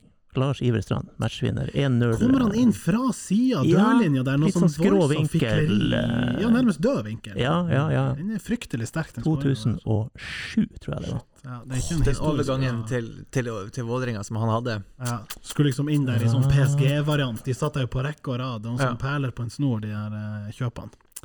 What could have been? Ehm, vi tar et spørsmål fra lytterne. Eh, vi tar Sondre Koren. Eh, og Robin, vi spør deg først. Hvem blir årets gutt? Altså årets spiller. Og hvem blir årets PES-gutt? Eh, årets gutt, da skal, tror jeg jeg skal dra litt wildcard. Ja, få høre. Prøve meg på Felix Winther. Hei! Nei, noen som skal tjene penger! Jeg går for en kjempehøy odds. Ja, den er dyp, altså. Ja. Ok, og Få en kjapp begrunnelse for Jo, det skal jeg gi deg. Jeg har ikke likt Felix Winther helt siden han eh, kom. Eh, Riktignok han har jo vært mye skada og ikke fått eh, spille eh, pga. det.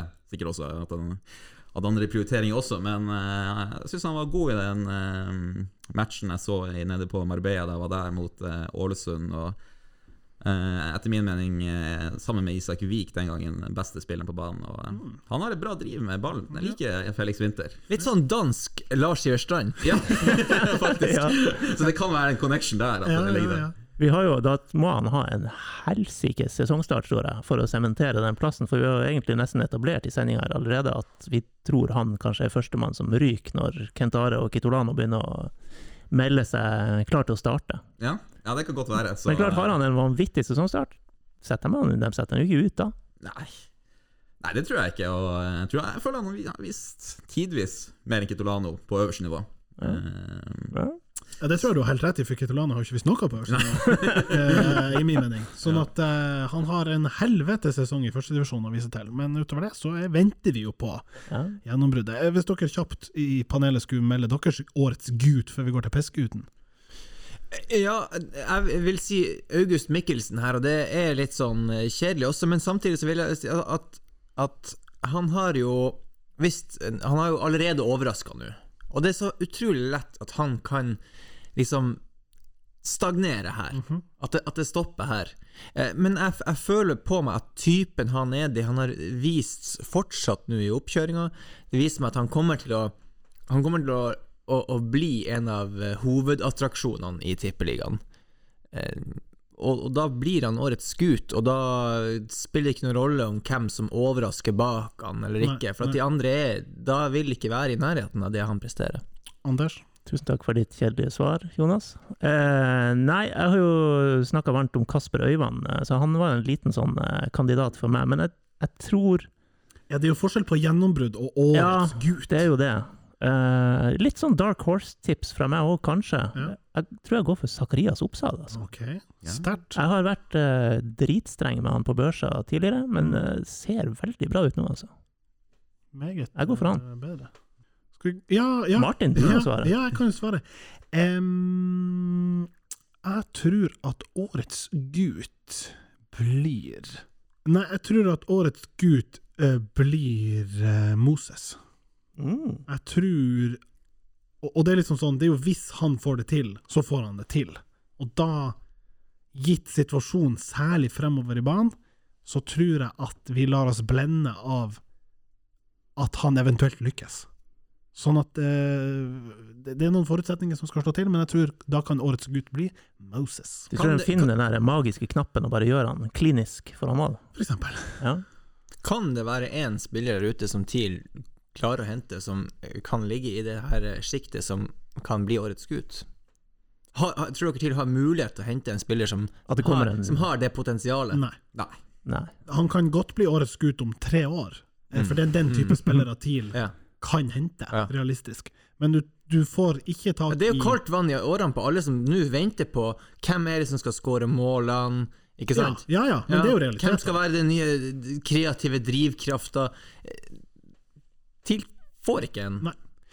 Ingen, ingen av de Det er en av de vi har nevnt nå. Ja. Ja, det må være Klart, at Nå nevnte jo du nu- ja, vi, du, ja, du nevnte jo Felix Winther, så det kan hende at det blir en av de vi har nevnt. Ja.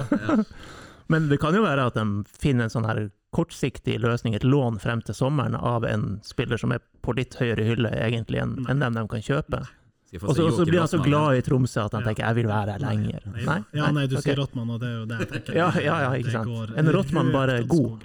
Ja. Ja. Apropos Rottmann og, og Peskut, Um, hvem blir den dårligste i år? Hvem, eller la oss si sånn, hvem er det man som underpresterer? Ut ifra forventninger, kanskje. ja, ok, det er et annet spørsmål. Ja, for jeg, jeg Ja. tror Peskut er litt sånn vanskelig å, å, å egentlig forutse. Men hvem er det som leverer under pari? Skal jeg kaste ut først, eller? Ja, og under paret må ikke forveksles til å være under par, som i golfsammenheng er veldig bra. Sant? Ja, et slag under, ja. ja, ja, Jeg har nei. fulgt mye med på golf i siste. Nei da, jeg bare sier det. Årets birdie. Ja, årets birdie. Ja, ja Roman. Um, jeg går for uh, Christophe Suchet. Uff da. Mm. Eh, Mm. Med tanke på det premisset du la her, litt Mm, med mm. forventninger. Uh, så klart, vanvittig god i fjor, og uh, har jo levert som bare det. Men han har blitt et år eldre. Eller, altså, på et eller annet tidspunkt så blir det jo å gå nedover også for uh, Suchet. Og om han holder ut hele veien eh, denne sesongen Tja, tja. Usikkert. De eldes annerledes i Karibien. Tror du det? Eller vet du det? Eller Frankrike, Jo, jo, men om du vil. Jeg vil ikke. Nei, du vil ikke. Anders, hvis du skal eh, peske ut dette det er vanskelig, for det er så strengt. Men uh, Nei, jeg får gå for, uh, jeg får gå for Moses der, da. Ok, spennende. Eh, Jonas? Eh, Zakarias Oppsal. Vi bare drar ned hverandres tips her nå. Ja, nei, for at det, Ironisk nok så skal jeg si eh, August Mikkelsen. Ja. Ja, og jeg kommer tilbake til det i min, en av mine tre spådommer, men Ja. eh, vi lar det bli med Som det. blir utover i sesongen! Neida, vi kommer til tilbake senere i sendinga. Vi ber om to tips fra deg, Jobban. Det ene er hvordan går det med guttene i år, og hvordan kommer det til å gå med TIL 2020, også kjent som Kvinnelaget. Ja, ikke sant, ikke sant. Ja, jeg går høyt ut igjen til rykker ned. Tuller du? Ganske, ganske lavt ut, spør du meg. Ja, ja, det er sant. Men høyt ut med Jeg regner med at andre har sikkert vært mer positive. Ja, det, det stemmer. Ja, Ja. definitivt. OK, Og spenstig. Ja, da er det jo sånn at det er jo mange dårlige lag i Eliteserien, så man eh, vil jo tro at uh, det Direkte nedrykk, kvalik. Det der er litt å Er den- vingle. er den- den der- vingle mellom 14. og Er det, 15. den- er det dem som blir, som blir eh, klar for nedrykk allerede måtte, syv Runde- runder før? Ja, ja, runde 23. Da. Ja. Ja. Eller, eller er det en Nei, det blir nok en klassisk situasjon der det er kamp til siste runde med TIL, og så, så rakner det. Ja. For sånn Rent oddsmessig så er det jo bare tre, fire lag som er under TIL, og det er jo Jerv, HamKam, Ålesund og Sandefjord som har 500 og, i odds, eh, og Jerv, som vi var inne på i stad, 1000. Mens det er jo TIL og Godset som ligger da på en sånn delt eh, hva det blir, tolvteplass. da. Mm. Så jeg, jeg, jeg skjønner hvor du kommer fra, og, og damene, da. Eh, der er jeg litt mer positiv. Jeg sier fjerdeplass. Og det er selvfølgelig garderobeeffekten som uh, Helt klart. slår Den inn. som bare skal gi det her. Og da er de jo i en bra posisjon til å rykke opp. Jeg vet ikke om vi skal nå begynne å gå inn på det opprykkssystemet der. Det er nesten så vi skulle vie en egen pod til akkurat det. Jeg tror kanskje vi nesten må det, faktisk. Så vi, ta, vi, kan stå over det eh, akkurat ja, nå. Og så bytter vi uh, hot seat. Takk for besøket. Robban. Ah, vær så god. Du ser en blå drakt, og så ei legevakt, Ole Talberg. Du glemmer aldri møtet med han Ole Talberg. Du kjenner det når du har møtt han Ole Talberg. Ja, kjenner du det når du har møtt han Anders Jensen? Anders Jensen. Jeg kjente det i hvert fall veldig når jeg møtte han Talberg på de gode gamle tuiltreningene. Fire mot fire, det, det sitter fortsatt i. Var det ondest å møte han, eller Eirik Bertheussen? Jeg hadde ikke så mange klinsjer med Bertheussen. Men det er klart, jeg har vært med og sett folk klinsje med han, og det, det ser vondt ut, det òg. Men fire mot fire-økt nå på Alfheim-matta, hvem er det du ikke Ja. vil se med skruknotter mot deg? Nei, det er jo Jostein Gundersen. Han er jo et vandrende eh, kamikaze-prosjekt. Hør da. det psykiske spillet er allerede i gang. For han vet at, det er, han vet at midtstopperplassen, den er i fare. Gaute, du tar en litt for stor risiko å velge Han han. der, der gærningen der, han er jo Og han Jostein vet òg, for han er ute etter oss alle, så det Ja, ja, er game on. Hvordan kjennes det at det er såpass tett konkurranse? Nei, det er jo Skal man være ærlig, så er det jo både bra og, Ja, og ikke være- så bra. du må ikke er jo, altså, politisk korrekt er jo, det er jo kjempebra, Ja. alle hever liste og alt, men Ja. det er klart man kjenner på det. Ja. Um, men det er sånn det skal være, tenker jeg. Det er, en, det er en konkurranseidrett vi driver med, og da burde det være litt konkurranse. Så Hvis du er ærlig, kan, vi har uh, så vidt prøvd å se på det her, hvem spiller der bak? Og vi kom oss jo ikke så langt som til de andre midtstopperne, for vi Nei. tror jo at han eh, Christophe Zygé skal få lov å spille første kamp uten at det blir noen store diskusjoner. Mm. Ja. Men, men faktum er jo at de to andre stoppeplassene er jo oppe til diskusjon til enhver tid. Ja, og det har jo vært rullert eh, ganske bra i de treningskampene Mm. vi har hatt nå inn mot sesongstart. Ja. Eh, Det er klart han Chris er jo kanskje det mest naturlige valget i midten der, med, Ja. med hans ferdigheter. Det er vel, det er vel greit. Og så, så er det ganske åpent på de to på sida. Uh, skulle gjerne sagt at det ikke var det, men, men det virker som det er det. Hvor trives du best av de tre? Eh, Det er jo mest naturlig selvfølgelig til høyre som høyrebeint spiller, men uh, jeg trives egentlig veldig godt til venstre. Jeg har fått en brukbar relasjon med, med Lasse og, og de guttene der, så um, ja, jeg har egentlig trivdes bra der.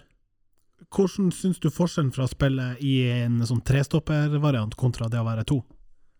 Nei, altså forskjell og forskjell. Du, du havner jo kanskje litt mer, mer på ball ute i korridorene og har litt bedre tid i en treer der. eh, Og det meg- liker jo du. Det passer meg egentlig ganske bra. Ja. Eh, og så er det jo også litt sånn license to go i korridorene og bombe opp, og det, det er jo gøy, det. Mm. Kan jeg også spørre deg hvor mye bedre er å spille sidestopper fremfor midterste, som du var litt i fjor vår?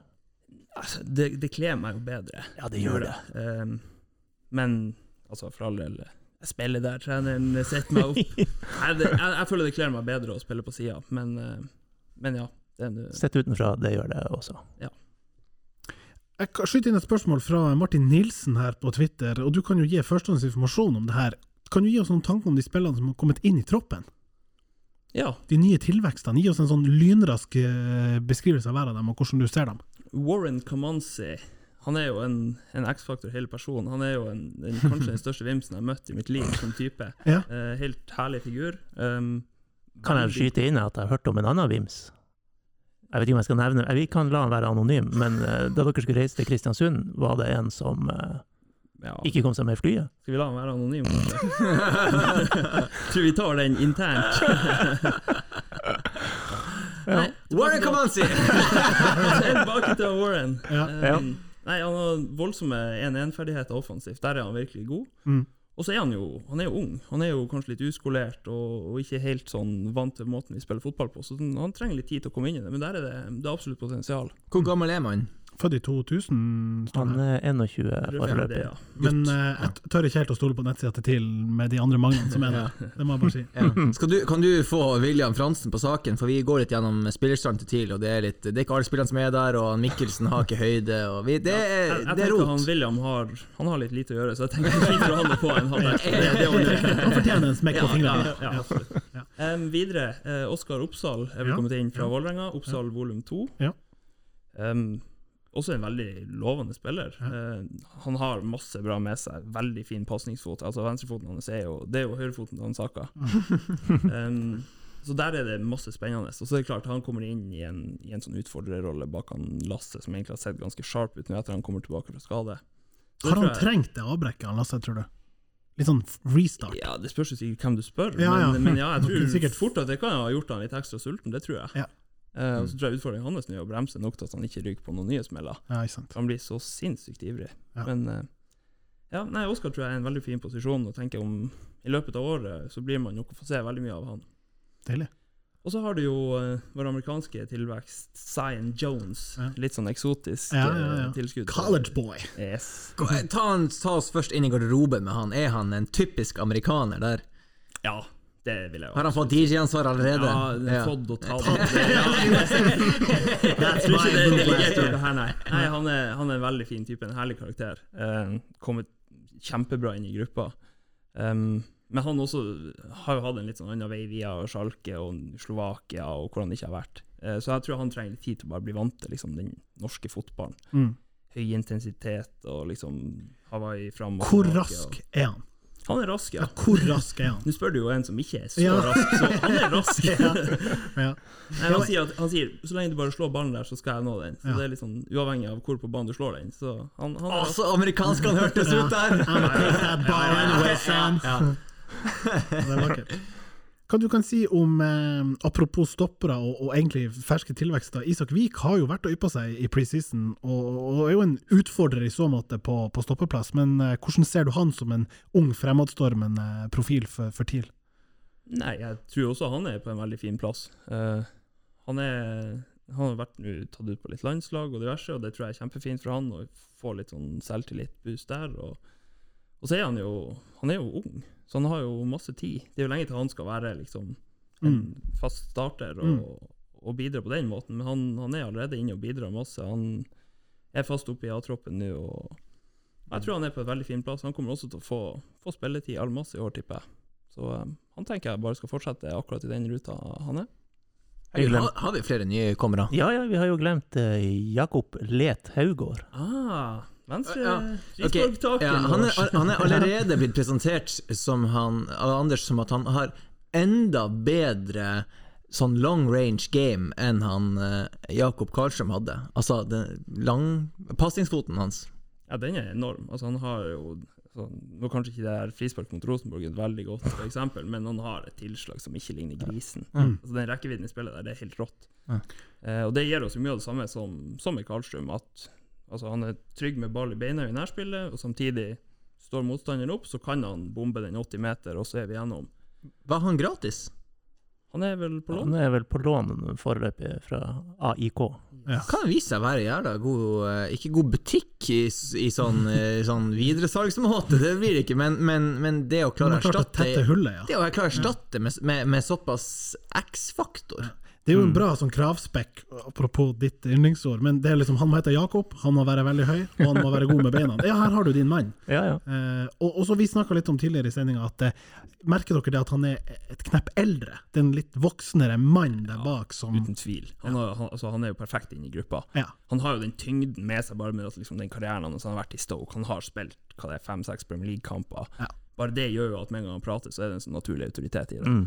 Og samtidig så har han jo kanskje hatt noen tøffe år, og kommer til oss med en voldsom sult, og liksom han skal vise at han er bedre enn dette. Og det tenker jeg er perfekt. Mm. Sinnssykt bra referansespiller. Ja, det, det viktige er at han ikke bare blir liggende på, på bordet til Tom Erik og Ja. blir knadd på hele året. Han har en bra, bra ratio der foreløpig, så vi får Mm. håpe at det, at det løser seg. Hva tenker du om sesongen, da? Så dere er jo litt sånn tilbakeholden på resultattips ofte når vi spør, men, men du skal få lov å tenke litt om, kanskje sammenligne med i fjor. Er gruppa på et bedre sted? Er vi i stand til å ta ytterligere steg på både offensivt spill, litt mer poengplukking? Det var jo til tider ikke mye Fort Alfheim å spore. Dra oss litt gjennom tankene om Kan vi slippe å vente 2022? til oktober før første hjemmeseier i år? Ja, Det tenker jeg jo at vi bør ha en ambisjon om. Gå for september. Nei, em, jeg føler jo at vi starter på et mye bedre sted i år. Sånn bunnivået vårt og liksom hvor trygge vi er på prinsippene i spillet. Det er jo, vi starter på et høyere nivå enn, Mm. enn vi starta på i fjor. Um, så bare der har de jo liksom en godfølelse med at vi har fått bra kontinuitet. De fleste er med videre, eh, i hvert fall av de som, som spilte mest i fjor. Mm. Um, og så er det jo åpenbart at vi har masse å jobbe med, i- kanskje spesielt i det offensive. Eh, det har vi jo følt på og sett i, i de treningskampene vi har spilt, at spesielt mot lag når, når de legger seg litt nedpå og vi må liksom angrepe mot etablert, så, så mangler vi den her typiske boksåpneren i forhold til hvordan løser vi det.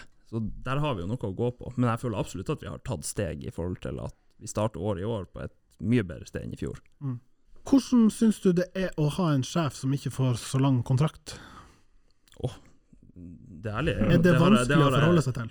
Jeg har ikke reflektert over det i fem sekunder. Okay. Det er mitt ærlige svar. Ja. Um, Det tok han nøyaktig fire sekunder å komme til konklusjonen. Ja. Ja. det, var, det var fire av de fem. Nei, det, det tror jeg faktisk ikke har påvirka meg så veldig mye. Det kan hende at det er et stort spekter i gruppa, at, at folk tenker på det eller ikke, men, men det har egentlig ikke påvirka meg noe. Jeg kan ikke se for meg at det tenkes så mye på av sp- spillere. Nei, for jeg spør jo særlig fordi mannen eh, med sine to cent og penna i handa har jo skrevet om det her. Anders, Ja, eh, ja. Du, du var jo litt sånn Nå må han igjen bevise.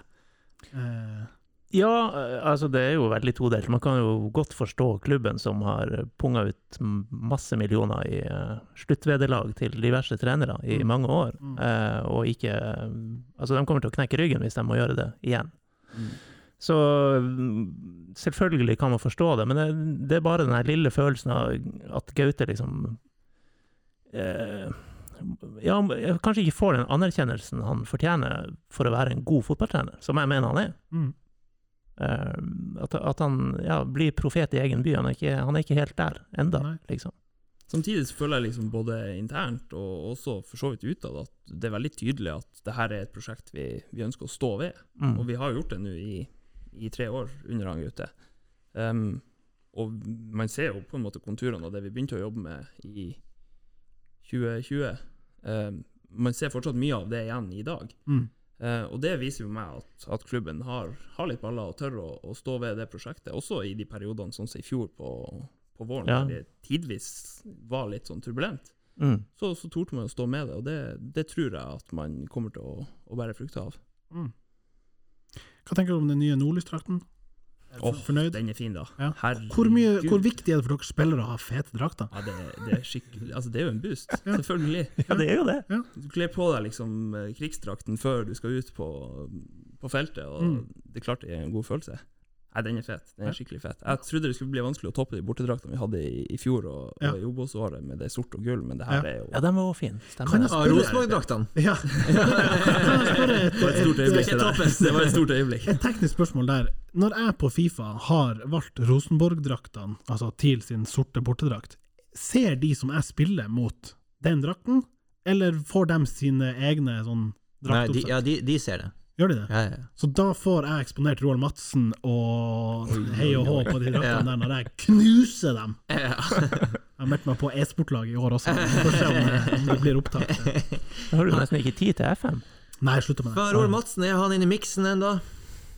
Eller har han Vet du, har gravd vært på seg fest der i det siste? Det var lite fester der, men vi har fortsatt noen gravemaskiner på drakten, så jeg er Ja. ganske sikker på at han er i Han miksen. ja, Eh, Mm. Men han Ok, eh, Dere har har ikke hatt eh, da liksom Hva heter det? Vorspiel? Årets sesongvorspielfest? Ja, Altså, vi har jo egentlig vært, eh, føler jeg, borte siden i februar. Vi har vært et par ganger i Spania, og så har vi jo hatt liksom fire, fire bortekamper. Ja, for det, man har jo ikke treningskamper hjemme. Nei, nei, det er riktig. Nei. Så det behovet for en halv, ja, det, det er det absolutt. Du melder deg på der, ja. Kan mm, ja. jeg snike inn et uh, Twitter-spørsmål? Ja, ja, ja. Fra The Love Disc. Ja. Oi. Ja. Hvor lenge for tidlig beholder August Michelsen? Ja, det er jo det er jo et wildcard, jeg. Det er jo anyone's guess. Um, jeg Ja, håper vi jo- vil ha ditt guess. Jeg håper jo at han, eh, at han blir her ut sesongen. Det tror jeg eh, er viktig for oss, åpenbart, og det tror jeg også er bra for han. Det er jo Altså, det er jo sikkert masse bailere allerede som er, som er klar til å, til å få han, men Som kommer til å bli vanskelig å stå imot, men hva er det som redder dem? Det er regulering av Alfheim-tomta i sommer. Oi. Ja, de er jo lova det i ja, sånn, juni, ja. Ja, eller sånn eh. At de kommer til å ha god nok økonomi hey, til At de kommer til å ha god nok økonomi til å stå unna ja. presset fra. Men de har jo budsjettert med 6 millioner i salg. Er det Kentare og hvem andre som skal liksom Kentare, Er det Kentare? Jeg, jeg tror ikke Kentare Får du seks millioner fra Nei, ikke han. Jeg sier Kentare Nei, og, og Ja. Er det ikke noe videresalg på en Onni, da? Kan vi ikke Ja, Ja, er ikke Herregud, det er jo enda på den. Ja, Det er jo 25 der, så det, det må jo bare komme. Ja, han må vi få, han må vi få solgt. Mm. Ja. Ring agenten. En uh, Robbie Taylor, var det noe der? Fikk vi ikke Nei, småpenger. Ja, det var småpenger. Ja. Lene Olsen der tror jeg han satt igjen med de, de store pengene. Ja, ja. Har vi noe på Jakob Karlstrøm? Nei. Kan, Jo, kan. Jo, jeg tror vi har en likkjeprosent der. Adapnes satt jo her og sa at han ville ha hard cash for Jo, alle men jeg, spillerne. jeg tror at han De, de, har- de har noe på både han og Totland, tror jeg. Når han går til um, Ja, hvor han går. Ja, altså, skal vi tro at han går til Belgia. sånn Southampton. Southampton. Fordi de har en sånn kjempehøy keeper, var det det? Fraser Forster? Ja, det er det vi tenkte på. Jeg tenker kun Ja, det var rart. ma match. Fabelaktig. Er det på grunn av Herregud. draktene, liksom? Ja, kanskje det Jeg tenkte først på Stoke og tenkte at dem går jo ikke så forbanna bra, men de har ikke penger. Og så tenkte jeg det hvem har drakter som ligner? Ja, riktig, riktig, riktig. Ja, det var magic moment. Herregud. Uh, Sylfrekt. Um, helt på tampen her, uh, Anders. eh, hvordan kommer det til å gå med TIL 2020, som dere nå deler garderobe med? Det tror jeg blir en boost for dem. Ja. Nei, det Nei, det tror jeg Jeg, jeg har trua på dem. Ja. Eh, De har jo sett eh, ganske bra ut, syns jeg, de to første kampene. Ja. Eh, Det var jo litt tøft for meg å se dem smadre Mekkila her oppe. eh, Den må ha smakt eh, Men, eh, greit. Men nei, jeg tror det kommer til å gå bra med dem. Jeg tror de kommer til å være med helt opp i toppen og kjempe, og forhåpentligvis så eh, kniver vi om et opprykk der, ja.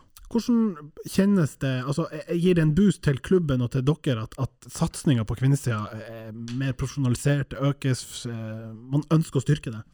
Jeg syns det er på tide at, at Tromsø som by får, et, får det tilbudet. Mm. Eh, Det er vanskelig å si noe annet. Det, det burde jo vært der for lenge siden, og det, det er bra at det, det nå legges til rette for ei satsing også der.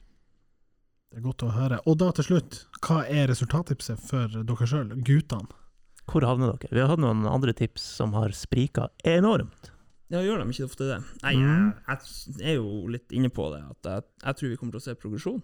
Um, jeg håper vi fortsetter å bygge på det vi gjorde i fjor, og da går vi for eh, Kanskje ikke helt Simo Valakarius i Europa ennå, men, men eh, skal vi si øvre halvdel? At det er Uefa det er- Conference.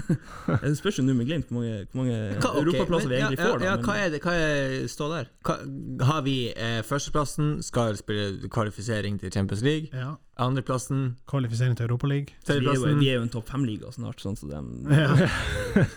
Nei, jeg er faktisk litt usikker på de koeffisientene. Det er blitt litt sånn forskrudd nå med, med timing. Altså. ja. Hvordan ligger dere an i den der Fair Play eh? Bakdøra. Det er alltid et lite håp der. Men får vi et tall fra det? En plassering? Jeg, sa jo- jeg, jeg sier åtte, da. Åtte? Akkurat øvre halvdel. Ja. Det er greit. Den er fair. Den er fair. Det er, god, og det er snittet. Godkjent. Jeg Pluss. får høre snittet. Nei, Er det, det er eller skal dere spare det til slutten? Nei, det er vel der snittet er omtrent. omtrentlig. Cirka. Jeg vil tro han Jonas er litt, eh, litt ambisiøs, og han Mo Hansen her er kanskje det, det andre på andre sida. Nei Det er vel faktisk bare gjestene som har avgitt tips så langt. Så langt, ja. Ja. Vi kommer Men med våre tips litt utover i sesongen. Som alle gode eksperter. Ja. Vi Vi traff igjen! Du, eh, Anders, du har jo ikke fridag før om to dager. Du skal vel trene i morgen, så vidt jeg vet, så du, vi skal la deg slippe her nå. Men eh, tusen takk for at du kom, og så eh, sier vi vel lykke til med sesongen, gjør vi ikke det? Lykke til. Nei, det sier vi ikke. Ja, jeg sier det. Hjertelig, hjertelig. Up to QR! klarer, vi treffer ikke på pasning, vi, vi klarer ikke å dempe ballen, vi klarer ikke å Vi, vi har null rytme, vi har, vi har absolutt ingenting. Ingenting å stille opp med her i dag. Kvaliteten er for dårlig, eh, utførelsen for dårlig, alt for dårlig. Når man ikke tror at det kan gå verre, så, så, så kommer TIL å å overraske og vise at det, det, jo, jo det, det kan det. Da er vi vel kommet til segmentet der vi skal komme med et par spådommer for sesongen, gutta. Um, Jonas, vi begynner med deg. Du har en spådom for eh, sesongen 2022. Hva blir å skje? Ja, um, jeg har forberedt meg på det her. Jeg hadde tre, jeg hadde tre punkter. Ja, Du skal få presentere dem Ja. eh, as we go her. Ja. Eh, Det blir repetisjon. Samtlige har vært innom eh, her. Vi får en ny offisiell supporterklubb. Oi! ja. Ja. ja, ja, ja. Du tror, du tror det skjer? Tror det skjer ganske kjapt, det. Ja. Ja.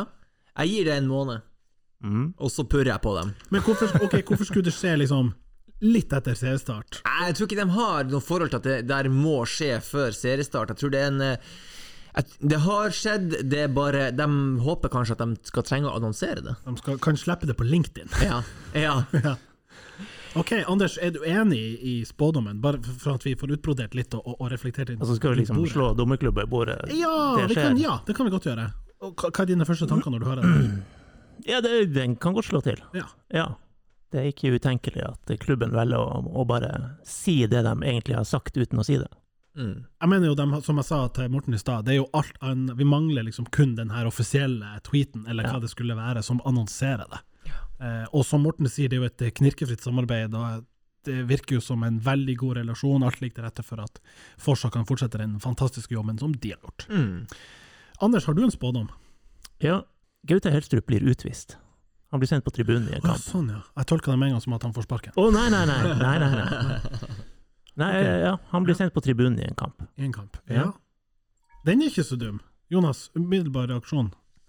Eh, ja, han, han, han er jo ikke sånn umiddelbart ekstremt god til å um, regulere følelser.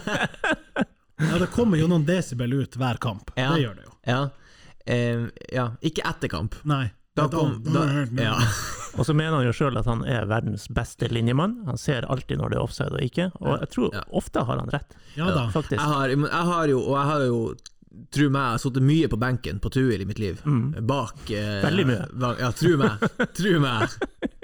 Jeg, jeg har aldri sett Gaute Helstrup forfra. Fryktelig sterkt. Um, og, og, han, har, ja, han har alltid sånne greier med linjedommere, med, med snakk om at det, han, Jeg tror han, Av en eller annen grunn har det blitt hans greie at han alltid sier til dem at eh, han vedder ei flaske vin på at det der Ja, ja, ja, stemmer ja, ja, ja, ja. Ja. Men bare for referanse, når fikk TIL sist en trener utvist?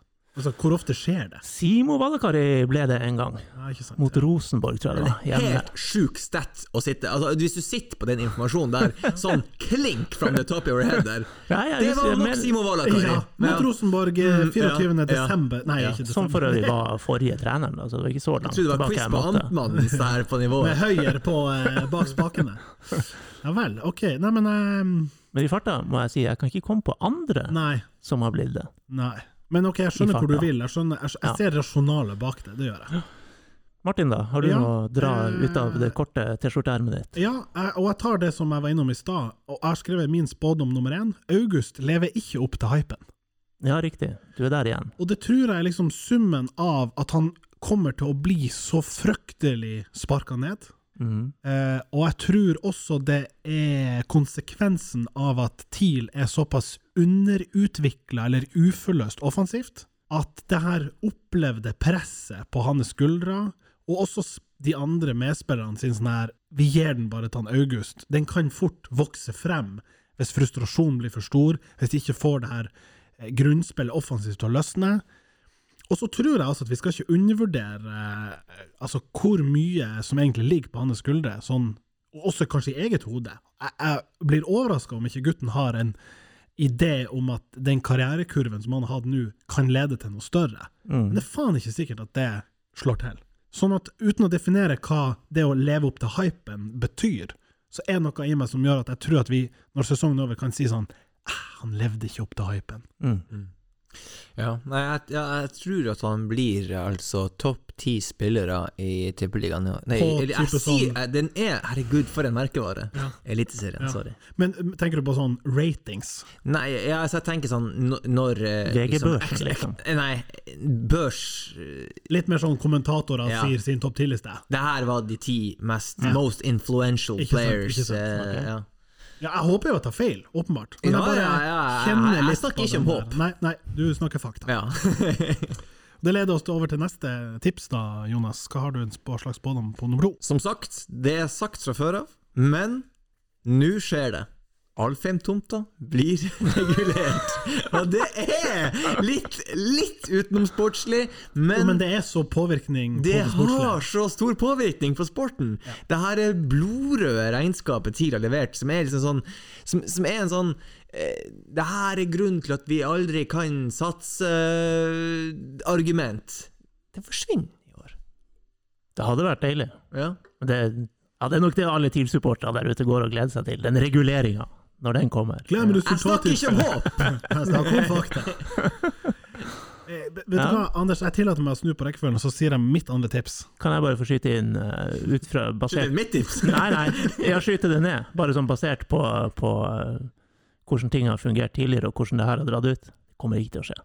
Kan jeg få lov å komme med mitt tips? Mitt tips nummer to er TIL kommer til å slite grovt økonomisk. Og det er nettopp på bak, altså, den motsatte delen av det du sier, Jonas. Jeg tipper det er manglende regulering. Jeg tipper det er eh, slitasje på spillersalg. Jeg tror ikke vi er nært å måtte oppnå det vi har satt oss som mål, som ble seks millioner i eh, netto cash inn på spillersalg. Og jeg tror at publikumstallet, publikumstallet blir lavere enn man har eh, budsjettert med, for det er alltid for høyt på Alfheim. Hva, Um, hva, hva er dere som kan det her? Hva er, altså, hvis du tenker spillersalg og, ehm, og billettinntekter, mm. hva er den tredje største og- så sponsorinntekter, da. Hvis du Ja. tar bort de tre, hva Det er TV-penger. TV-penger, ja. ja. Rettigheter Er de økt? eh, Det er vel litt økning det er vel litt økning ja, med TV2 inn i miksen der, og, og reforhandling og sånne der ting. Mm. Men summen Nå husker ikke jeg Det er jo sånn fordeling på hvor stor andel er det for TIL sin del. Mm. Men, men jeg mener summa summarum og det kostnadsbildet og manglende inntektsbilde TIL har jo, som vi vet, søkt etter en slags sånn marketing director eller noe sånn eh, CMO der oppe som skal eh, øke cashflow inn. Tror ikke de har fått ansatt noen. Vanskelig oppgave. Tror de er i, eh, midt inni, eller kanskje akkurat ferdig med en intervjurunde. Ja, det har jeg også Så hørt. Ting skjer. Ja, Hvordan vet du det, Anders? Han Ikke har søkt. Har ikke søkt. Han har blitt headhunta. Nei, så det er min spådom, sånn at jeg tar egentlig rygg på deg, Anders, eh, og dine kommentarer på Jonas sitt tips. Men det er altså mitt nummer to. TIL litt grovt økonomisk. Da kommer mitt tips nummer to, som Ja. kanskje berger Eller skyter ned ditt tips igjen. Ja. Det kommer et solid bud på Kasper Øyvand. ja. Hvor lang kontrakt har han? Eller sagt på en annen måte, er kontrakten så lang at det solide budet kan komme? Ja, nå er jeg usikker, fordi at han kom jo inn, og så i løpet av året ble han belønna med ny kontrakt, Ja. som varer La oss nå i alle fall si at det er over eh, Altså, det er ikke bare ut denne sesongen, det er antagelig Nei, nei. ut neste sesong. Minimum. Ja, det er det. Uff, må vi google det her? Nei da. Vi tar, forutsetter at den er sånn så, Ja, men av en sånn lengde av at gitt at det budet kommer i sommer, f.eks., Ja. så er det nok kontraktslengde til at det må være en sånn størrelse som gjør at vi kanskje fyller den, den salgskvota. I hvert fall det, og kanskje Kentare, da. Da er vi der. Ja, og, og Ja, sant. Ja. Men da må vi igjen finne nye spillere som kan utvikle seg, osv., osv. Sånn går hjulet. Ja, ja. Ok, eh, så, så spådommen er at Kasper Øyvand blir solgt til en eh, adekvat sum. Ut 2024. Ok, så enda mer, ja. ja. Mm. ja. men det er bra. Det er bra for oss. Mm. Ja. Og Bodø-Glimt. Ja. Hvor du tror at han havner, liksom? På hvilket nivå snakker vi? Eller Bodø-Glimt, da. Nei, hva man kan forvente der. Kanskje Nord-Tyskland? Hamburger deg, kanskje. Søsterklubben. Ja. Nei, han kunne jo egna seg mange steder, han. Men uh, han, blir, han selges jo ikke rett til en sånn storliga. Han mister jo ikke hodet sånn. Nei. Hmm. okay. Nei, vanskelig, vanskelig. Ja. Brøndby. Jeg sier Brøndby. Oi, frekt. Ja, nei, jeg sliter jo Det kommer jo veldig an på den her kabalen som vi snakka om i stad, da. Får Kasper Øyvand spille ti av de første 15 matchene, eh, så vil du jo også si at Kasper Øyvand spiller ganske greit i mange av de ti matchene. Mm. Da kan du jo fort komme bailere på, på banen igjen. Mm. Eh, men da er det jo litt sånn artig, fordi det er vel Jostein som tidligere har vært plassert først i køa på eksportvare på forsvarssida. Mm. Hva skjer da hvis Kasper går forbi der? Er det fortsatt Jostein vil ut? Blir vi plutselig da litt short igjen? Litt sånn der. Eh, Vi, vi Roba var innom at eh, Suché kanskje er på tampen av karrieren. Ja, ja. Så går vi fra å ha 50 stoppere til to. Sant? Det er jo litt sånn vanskelig miks der. Ja. Så har du så kom, altså han, eh, Vi har jo en, en, en Vådbu i Ja, han ser bra i, ut. i, i Tuil, og det, det, det er jo lov å spå at han skal inn om to år, eller Er det den tredje spådommen din? Ja. Er det det? Ja, den ligger to år frem i tid. Nei, min tredje, min tredje spådom er at um, Isak Vådbu, forresten. Han kommer inn i TIL før det har gått to år. Ok, ja, den er grei. ja. Ja. Kitolano, som var årets spiller for uh, to år siden, Ja, 2020-sesongen. ja, I Obos. Ja. han blir uh, utrolig mye benka i år. Um, Ja. ja, det harmonerer med det du sa tidligere. Ja. Mm. Um, og det er jo en overraskelse, litt sånn uvant å se han i en rolle, tror jeg, der han uh, sliter med å få spilletid. Og kanskje Robban sitt tips med Felix Winther eh, slår til, og da er det enda vanskeligere å få plass Og- der. og hvis- og kan, ja, kanskje blir det spissplass han må liksom være og melde seg på om, der han ja, var en del i før òg. Ja. Hvis det slår til da med vinter, så er jo to av tre av denne trioen av de danske drenger som kom over grensa der, da er jo det veldig bra hitrate Ja. til TIL å være. Ja, ja. ja, ja. Da må man skulle si BV. Ja. Good job. Good job, scouting job. Eh, og så får vi også gi et anerkjennende nikk til eh, forhenværende host i denne podkasten, Joe Moe, ja. som har blitt scout for TIL. Joe 20% Naimo. Ja, Joe ja. Naimo. Ja, ja. Det er sterkt. Jeg Ja. applauderer den. Og Tore Rismo har vel også fått et slags ekstraoppdrag nå til å eh, frekventere rundt i Nord-Europa og se på spillere. Det er vel derfor han har gått ut av styret. Ja det, Utvalg. det var vel mest for å være på hytta og dra på jakt og Det fiske, er det tror jeg jeg. sier. Han drar på jakt etter spillere. Altså. Ja, det også. Det var og, da vi, og vi foreslo Ja, ja. eh, Turismo Rismo Ja. og Lars Espejord. Ja. Av to. Ja. Det er godt nok for meg. ja, det er godt nok for oss. Ja, de skulle reise ut og Signere bøker og signere bøker. Ja. og drikke vin og se etter spillere. Nei, men Jomos er som vanlig er sånn halvvis på ball. Ja. Anders, har du et tips nummer tres? Nei. Oh, ja. Jo da. Eh, jo da, jeg gravde opp noe. Eh, TIL slår Bodø-Glimt. Uh, I ett av to oppgjør, eller? Ja, altså i en Sånn, enkeltkamp. det skal skje Ikke, ikke på tabellen. Nei, nei, nei, Men- men, men i en skje i en enkelt kamp. Ja. Nei. Det ble nei der. Nei, uff, ja. Det kommer jo veldig an på. Altså, det som på et eller annet tidspunkt må skje med den Glimtsdalen, er jo at slitasjen av det å være så jævla på i løpet av en vinter og bli på en måte eksponert for det her voldsomme eventyret, den kommer til å liksom komme i trynet på dem på et eller annet tidspunkt. Fordi altså, det er gøy å vinne fotballkamper, og det å vinne tar ikke så mye energi som det å spille masse kamper og tape. Men fysiologien og liksom den mentale kapasiteten til norske spillere og lag og klubber, liksom hele riggen, er jo ikke laga for et sånn her eh, sommer, så vinter, så sommer, så vinterkjør. Så gitt at kan du si, terminlista klaffer, um, litt skadesituasjon, de er jo nødt til å fylle på på et tidspunkt. Det kan godt skje, men gapet i sport Ah, farsken. Jeg vet ikke. Kanskje hvis, eh, hvis eh, guttene har fått virkelig fyr på toget i løpet av høsten, og Glimt etter å ha vært i liksom Champions League-kvalik, eller gud forby, kvalifisere seg til Champions League, og komme fra en sånn her vanvittig midtuke-sukkess på kontinentet, skal på Alfheim på en lørdag eller en søndag, kanskje. Mm. Jeg bare sier at det skjer. Den er grei. Har du en siste, Martin? Ja, og den er todelt. TIL eh, blir å skåre under 35,5 mål, og det her halve er jo den asiatiske, sånn du ikke Jo, jo. sånn, hva mener du med under 35? Eh, de skårte 33 i fjor. Jeg Ja. tipper de blir å skåre under 35,5 i år. Men jeg tror også at de slipper inn under 35,5. Og det er jo fremgang. Ja, for de slapp inn 44 i fjor. Ja. Så jeg tror at vi får se det som vi har sett konturene av i, i preseason. Det er, er få baklengs, men det er litt for få skårede mål. Så det her blir gøy. Kom dere på Alfheim, folkens! Her blir det mål og underholdning. Mål er rikt. Vi blir Burnley. Vi- Jo, men det viser jo hypotesen om at det å bygge forsvar er på en måte litt lettere enn å bygge angrep, uten at noen av delene er særlig enkelt. Men, men, og du må kanskje begynne bakerst, for det, Ja, ja. det, det handler om å tette igjen. Men du må virkelig eh, jobbe for at det skal løsne offensivt, og gitt den spillerstallen vi har til disposisjon, Um, formasjon, flyt, detaljer, og, og hvor vanskelig det er å koordinere et, eh, en, en, og koreografere et godt etablert angrep, som er jo det vi ser ut til å slite mest med, så tipper jeg at vi er på en da under 35-5 og under 35-5. Det er eh, flere som har sett tidlig vinter og tenkt at uh, Under 35,5? Nei, for, men for å følge opp uh, det asiatiske greia di, at å, å spille på sånn under 2,5 mål i TIL-kamper i ja. det, det virker ganske greit. Jeg tipper at du får uh, over tre i ROI på det. Du får tre ganger pengene tilbake. Return of interest, Andersen. Return of investment, for å være helt presis. Nå er jeg med. Jonas. Sa direktøren. Ja. Og apropos det, Ja. Så kan jeg ta et lite spørsmål til fra Twitter. ja.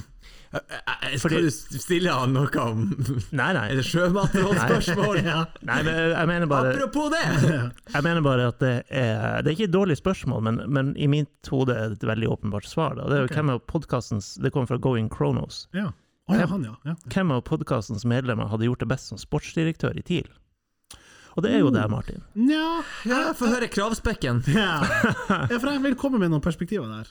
Eh, casen Jonas er jo den med toppfotballerfaring. Den som kjenner systemet. En med en helt sånn særegen forståelse av eh, ja, det å være day to day i en fotballklubb, være seg TIL, Tuil, Alta, og, og de andre mindre klubbene du har eh, frekventert i. Har kontaktnett. Ja, People's person. ja, ja absolutt. Um, og det er jo ikke feil med litt eh, sånn, kall det biologi eller fysiologi inn i, i en sportsdirektørrolle også. Eh, jeg tenker på at han snart er doktor med. Eh, Anders, du har jo veldig mange år skrevet, fulgt TIL tett. Eh, snakkes nettverk, da må jo du ha nesten et enda større, på den type, på en måte, i, i, i det landskapet. Eh, du, har, du har delt ut mange tosentere som kunne kulminert i en slags sånn strategi, eh, drift av en fotballklubb fra sånn sportsdirektørståsted. Nei, det er jo bare ræl og raljering, vet du. Men er ikke det det samtlige sportsdirektører Nå er jo Joakim Jønsson ansatt i Vålerenga. Du ræl ganger ræl! Veien fra mikrofonstativ til eh, direktørstol er jo Så kort. få en sånn stilling nå etter alle de to centene, da snakker vi return of investment. Ja, ja, ja, sant, sant, sant. Så det som trumfer alt det her for meg, det er jo din FM-erfaring, Martin. Ja. Det er Den er, den er helt uovertruffen. Takk for den Legends Akademia. Ja. Apropos FM og det der. Jeg fikk en screenshot fra noen, husker ikke hvem, som mente at eh, Sjarmtrollene var inne på FM, og da var også jeg inne på FM. Oi. Fordi jeg hadde jo papirene på at jeg skulle trene Sjarmtrollene før eh, pandemien Ja. slo til. Og jeg er så langt nedi Jeg der ja, og jobber. og, og det er jo på grunn av at det er noen med sånn her Du har ansvar for å rapportere Tromsø og omegn og, og, og levere Ja, stats og ja, sånn. ja. Da har de gjort det. Mm. Yes.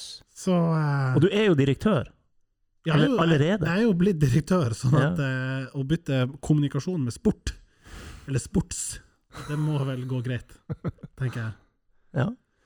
Ja, nå Svein Morten han gir sikkert et tips over et glass vin. Vi må ønske han masse lykke til med Ja. Han åpner i mai. Ja, så det er bare å Jeg skal stikke innom der. Ja, ja, Jeg ja. har trua på Svein Morten. Ja. Bra case. ja. Veldig bra fyr. For å oppsummere, som samla Ja. hadde vi gjort en jævlig god jobb. Ja, det tror jeg. Det er sånn Ja. Treoda Troll som Ja. alle frykter, og ingen vil ha noe med å gjøre. Mm. Mm. Så kunne vi ha spilt inn sånn ukentlige sånn fra innsiden-podder og sånn som en del andre klubber. Så jeg avslutter med sesongtipsene våre. Vi har vært innom eh, Anders som sier åttendeplass. Har jeg sagt det? Nei, han andre eh, Anders. Ja. Den, den, den, den som Den av oss The real. Andersson. Ja. The real Anders. OG. Ja. Ja. Jonas, vil du begynne? Ja, det har jeg egentlig lyst til. Jeg, jeg, jeg, jeg er litt på 14.-plass jeg jobber her nå. Shit. Eh, ja. Du er i Robban-land, rett og slett. Eller det landskapet jeg var i i fjor. Ja. ja. Sånn 13 var det vel. Ja. Ja, nei, ja Man blir um, litt for positiv nå, altså. Eh, det har ikke kommet eh, noe særlig inn. Ehm, og man har mista store profiler. Det skal tas en del steg av de, andre, av de spillerne som, som var her. For det er ingen av de nye som kommer inn og, um, og tetter de hullene. Eh, Så da har man i så fall trua på at eh, man som kollektiv har tatt såpass store steg. Jeg har ikke, jeg har ikke helt trua på det. 13 er notert i protokollen. Eh, Mo Hansen. Var det det du endte på? Ja. Ok. Nei, jeg sa vel ti i fjor, var det ikke det? Noe sånt? Jo, Um, det tror jeg. Bomma med to. Jeg har litt lyst til å kopiere og si ti i år, men for å liksom være litt mer nøktern, så sier jeg elleve. Det blir ett knepp opp fra i fjor. Å, det er nydelig. Fordi jeg er på 12. Du er på tolv. Det er så 12. sinnssykt at vi sitter og, diskuterer det der. Og når, man, når man tenker på liksom i, i, i fjor Det var to serierunder igjen, og man kan liksom ende på et spenn av syv Ja, ja. plasser. Ja, Ja. den kunne bli i hvert fall opp til ni før siste serierunde Ja. i fjor. Ble nummer tolv. Og det er jo som Morten sier, det var bare fire poeng opp til liksom sjuende eller noe sånt. Men, men eh, jeg er jo helt enig i rasjonalet deres her, at um, hva er kommet inn, hva har kommet ut? Eh, og jeg tror også, hvis vi havner på det spådommen min på U- U35-5 på begge, da, så, så blir det et slags sted mellom 10 og 14, så jeg sier 12. Ha. Så da er vi på 11, 12, 13. Ja, det er de brutale realitetene eh, for Tromsø fotballklubb slash idrettslag. Eh, Helt eh, under middels tabellplassering og eh, målfattige oppgjør. ja. Det blir artig. Kanskje et par spillersalg og en tomteregulering, så er vi jo artig en god sesong skal inneholde.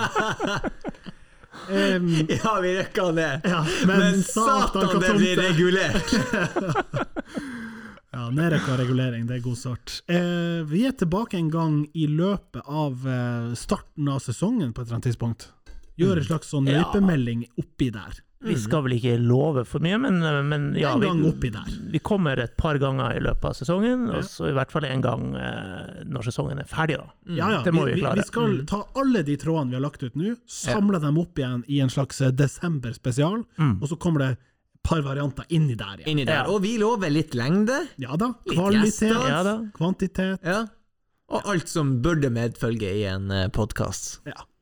En klar motivasjon her er jo at vi, vi spiller nå inn episode nummer 97.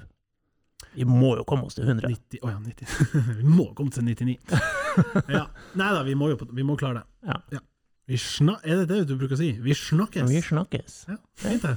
Hei. Hei. Hei. Hi, Philip. Great match today. Congrats, 30 years. Have a nice Saturday. Congrats again. Have a nice evening. We take them all. Just take them all. Have a nice evening. Happy birthday. Happy birthday.